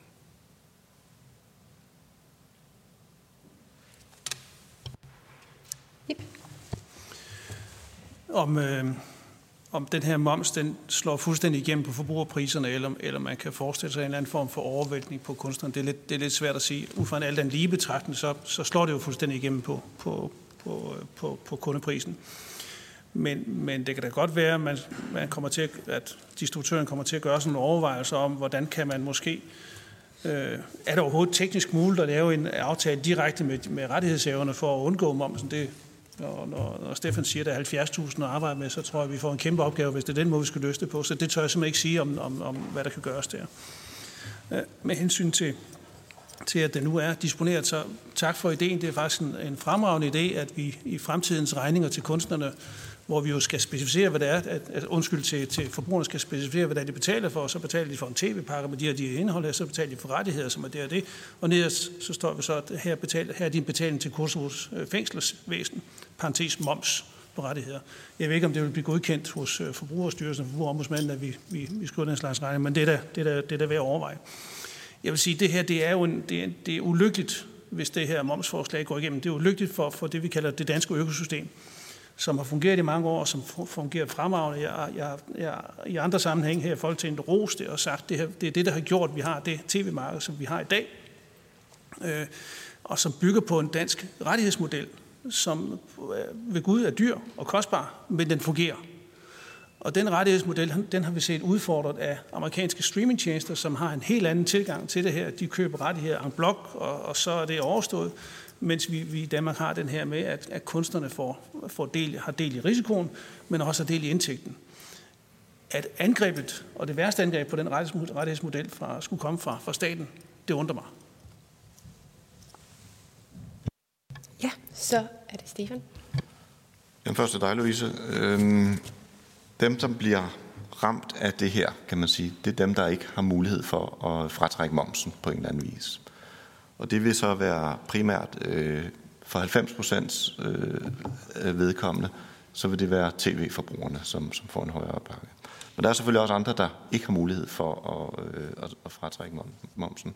I, I vores verden, som sælger øh, licenser til uddannelsessektoren for eksempel, der vil det være sådan, at de private aktører, for eksempel friskoler, privatskoler, privatgymnasier og, og den slags, de har ikke øh, adgang til momsrefusion. Så de vil altså opleve, at, øh, at den her ydelse, den kopieringsaftale, de køber øh, i forbindelse med deres undervisning, den vil stige med 25 procent, og de kan ikke fratrække den nogen steder. Folkeskoler og anden offentlig undervisning, de har adgang til en momsrefusionsordning, så de vil ikke blive berørt af det her. Vi har lavet nogle beregninger, der viser, at det er måske for vores vedkommende en 6-7 procent af vores omsætning, der rammer, hvor det hvor, øh, kommer fra kunder, som ikke vil kunne, øh, kunne fratrække momsen på nogen måde. Og til svaret på det andet spørgsmål, ja, vi vil en til en selvfølgelig sætte vores priser op, den, og så vil vi skulle stå med, med den forklaring og så sige, at der er altså kommet et lovforslag, der siger til, til friskolerne, at nu bliver det her 25 procent øh, dyrere til privatskoler og den slags. Med hensyn til elefanten i rummet, som du nævnte, at der er disponeret over provenyet, men der kan jeg jo lige henvise til det regnstykke, jeg lavede undervejs i min præsentation, og så sige, at det er fint at, øh, at få momsen ind på den her, men den økonomiske risiko, der er for, at der forsvinder et beløb næsten på samme størrelse som det, man regner med at få ind, et andet sted, så banker man jo et hul i en kasse et andet sted. Det kan godt være, at man så får finansieret, hvad de, nu, hvad de penge nu er øremærket til. Men der er også en risiko for, at man mangler de her penge et andet sted, ved, øh, ved lovforslaget, som det ser ud nu, nemlig den, at fra at der er styr på hele pengeflådet, så overlader man det til 10.000 vis af individuelle rettighedshavere, som pludselig skal til at omstille sig til nye regler. Så jeg tror ikke, man opnår den økonomiske øh, en-til-en beregning, som Skatteministeriet har lavet i første omgang. Det, det, det, det vil ske ad over, hvis man forsyner øh, Skattestyrelsen med nogle ansatte, der kan gå ud og, og, og håndhæve øh, de nye regler. Men jeg vil må den påstand, at øh, det tager tid, og derfor så vil man ikke umiddelbart bare kunne få den her finansiering. Den vil banke et hul et andet sted. Flemming? Ja, altså, øh, og det, det er jo rigtigt, altså, det, det, som der bliver sagt indledningsvis, altså, man kan jo godt, øh, man kan uden videre gennemføre det politisk, og, og på den måde kan man ikke bagefter komme og sige, det var, øh, det var forkert. Det, det, det, det var det her omkring fortolkningen af, Øh, kan, man, kan man gøre det her i eget navn fremmed regning, og så træde ind i stedet øh, som, som, som, som den person. Og det er jo et springende punkt, hvor, hvor Skatteministeriet, og det kan man sådan set godt øh, forstå, øh, siger, jamen øh, den her fritagelse, når man kigger læseren igennem, så siger man forfatter, komponister osv., det er jo knyttet op på et subjekt, Øh, og øh, er det så låst fast på øh, det subjekt, eller er det i virkeligheden noget, der knytter op på subjekt, men det er objektet, der, der bærer det. Og, og, og det, der jo taler for, det er rent faktisk objektet, der bærer det. Det er jo netop også det, som Stefan siger, når, når, når, når en forfatter altså, eller, øh, der kan, kan lave noget kunstnerisk virksomhed, der er momfritaget, man kan også lave noget, noget reklame, øh, som jo også, man også forfatter øh, laver, når man laver en, en øh, øh hvad hedder det, forfatter en reklameartikel. Øh, og, og der er man jo momspligtig, og det tyder jo på, at det rent faktisk er øh, at det er objektet, der bærer det videre. Hvad det også tyder på, uden jeg lægger hovedet på blokken, men øh, min, min forundersøgelse her altså viser, at man, man tolker det sådan, at det er objektet, der bærer det videre, selvom det er meget stærkt knyttet op på, øh, øh, på, på subjektet. Men igen, øh, mit forslag er, at man kigger, dykker ned i, øh, i øh, yderligere i, i rent faktisk over i, i, i, på, på, på kulturvalgsområdet i ophavsrettighedsloven. Hvad er det egentlig, der regulerer det her? Øh, fordi Øh, at man kan sige, at man har et godt og simpelt system, som sådan set også er tvunget, man kan sige, at alle er tvunget med på det, men alle også har glæde af det, fordi ellers ville de, ellers ville de jo blive snydt, øh, så vandet drev, hvis man ikke havde de her forvaltningsorganisationer, og det er derfor, man har det. Øh, og vedtaget det på EU-plan, man skal have det. Øh, og, og så den anden, som, som synes jeg kunne være fantastisk, det var simpelthen, at vi en gang for alle, så får der afgjort nede i, i, i momskomiteen. Øh, hvad, hvad siger, hvad, hvad, hvordan er de andre landes holdning til det? Tak. Tusind tak for, øh, for jeres oplæg. Jeg skal lige sige, at øh, Jan han har skrevet en beklagelse inde på, på, hvad det hedder, Teams, hvor han skriver, undskyld, det er du ret i, Katrine. Jeg mente og ville have sagt, at de partier, der støttede forslaget, og det har jeg lovet at læse højt, så nu har jeg læst det højt. Så du har fået en beklagelse. Så vil jeg sige tusind tak så vil jeg sige tusind tak. Vi har fået rigtig mange nyttige oplysninger i dag, som jeg er helt sikker på, at vi alle sammen vil tage med videre i vores videre arbejde med, øh, med lovforslaget. Så det har været virkelig nyttigt. Øh, og jeg vil også gerne øh, takke tilhørende for at bruge tid på at være herinde og lytte til, til hvad det er, vi har at sige. Stor tak til oplægtholderne for, for at gøre os klogere, så vi ikke øh, går alt for ensidigt til, de her, øh, til det her lovforslag. Jeg er rigtig glad for, at I vil belyse konsekvenserne af lovforslaget, og som tak har udvalget en lille gave, som jeg vil give jer, om et, øh, som jeg vil, jeg vil overrække om lidt. Øh, tak til alle, som øh, var med i dag, og så vil jeg bare sige øh, tak for i dag.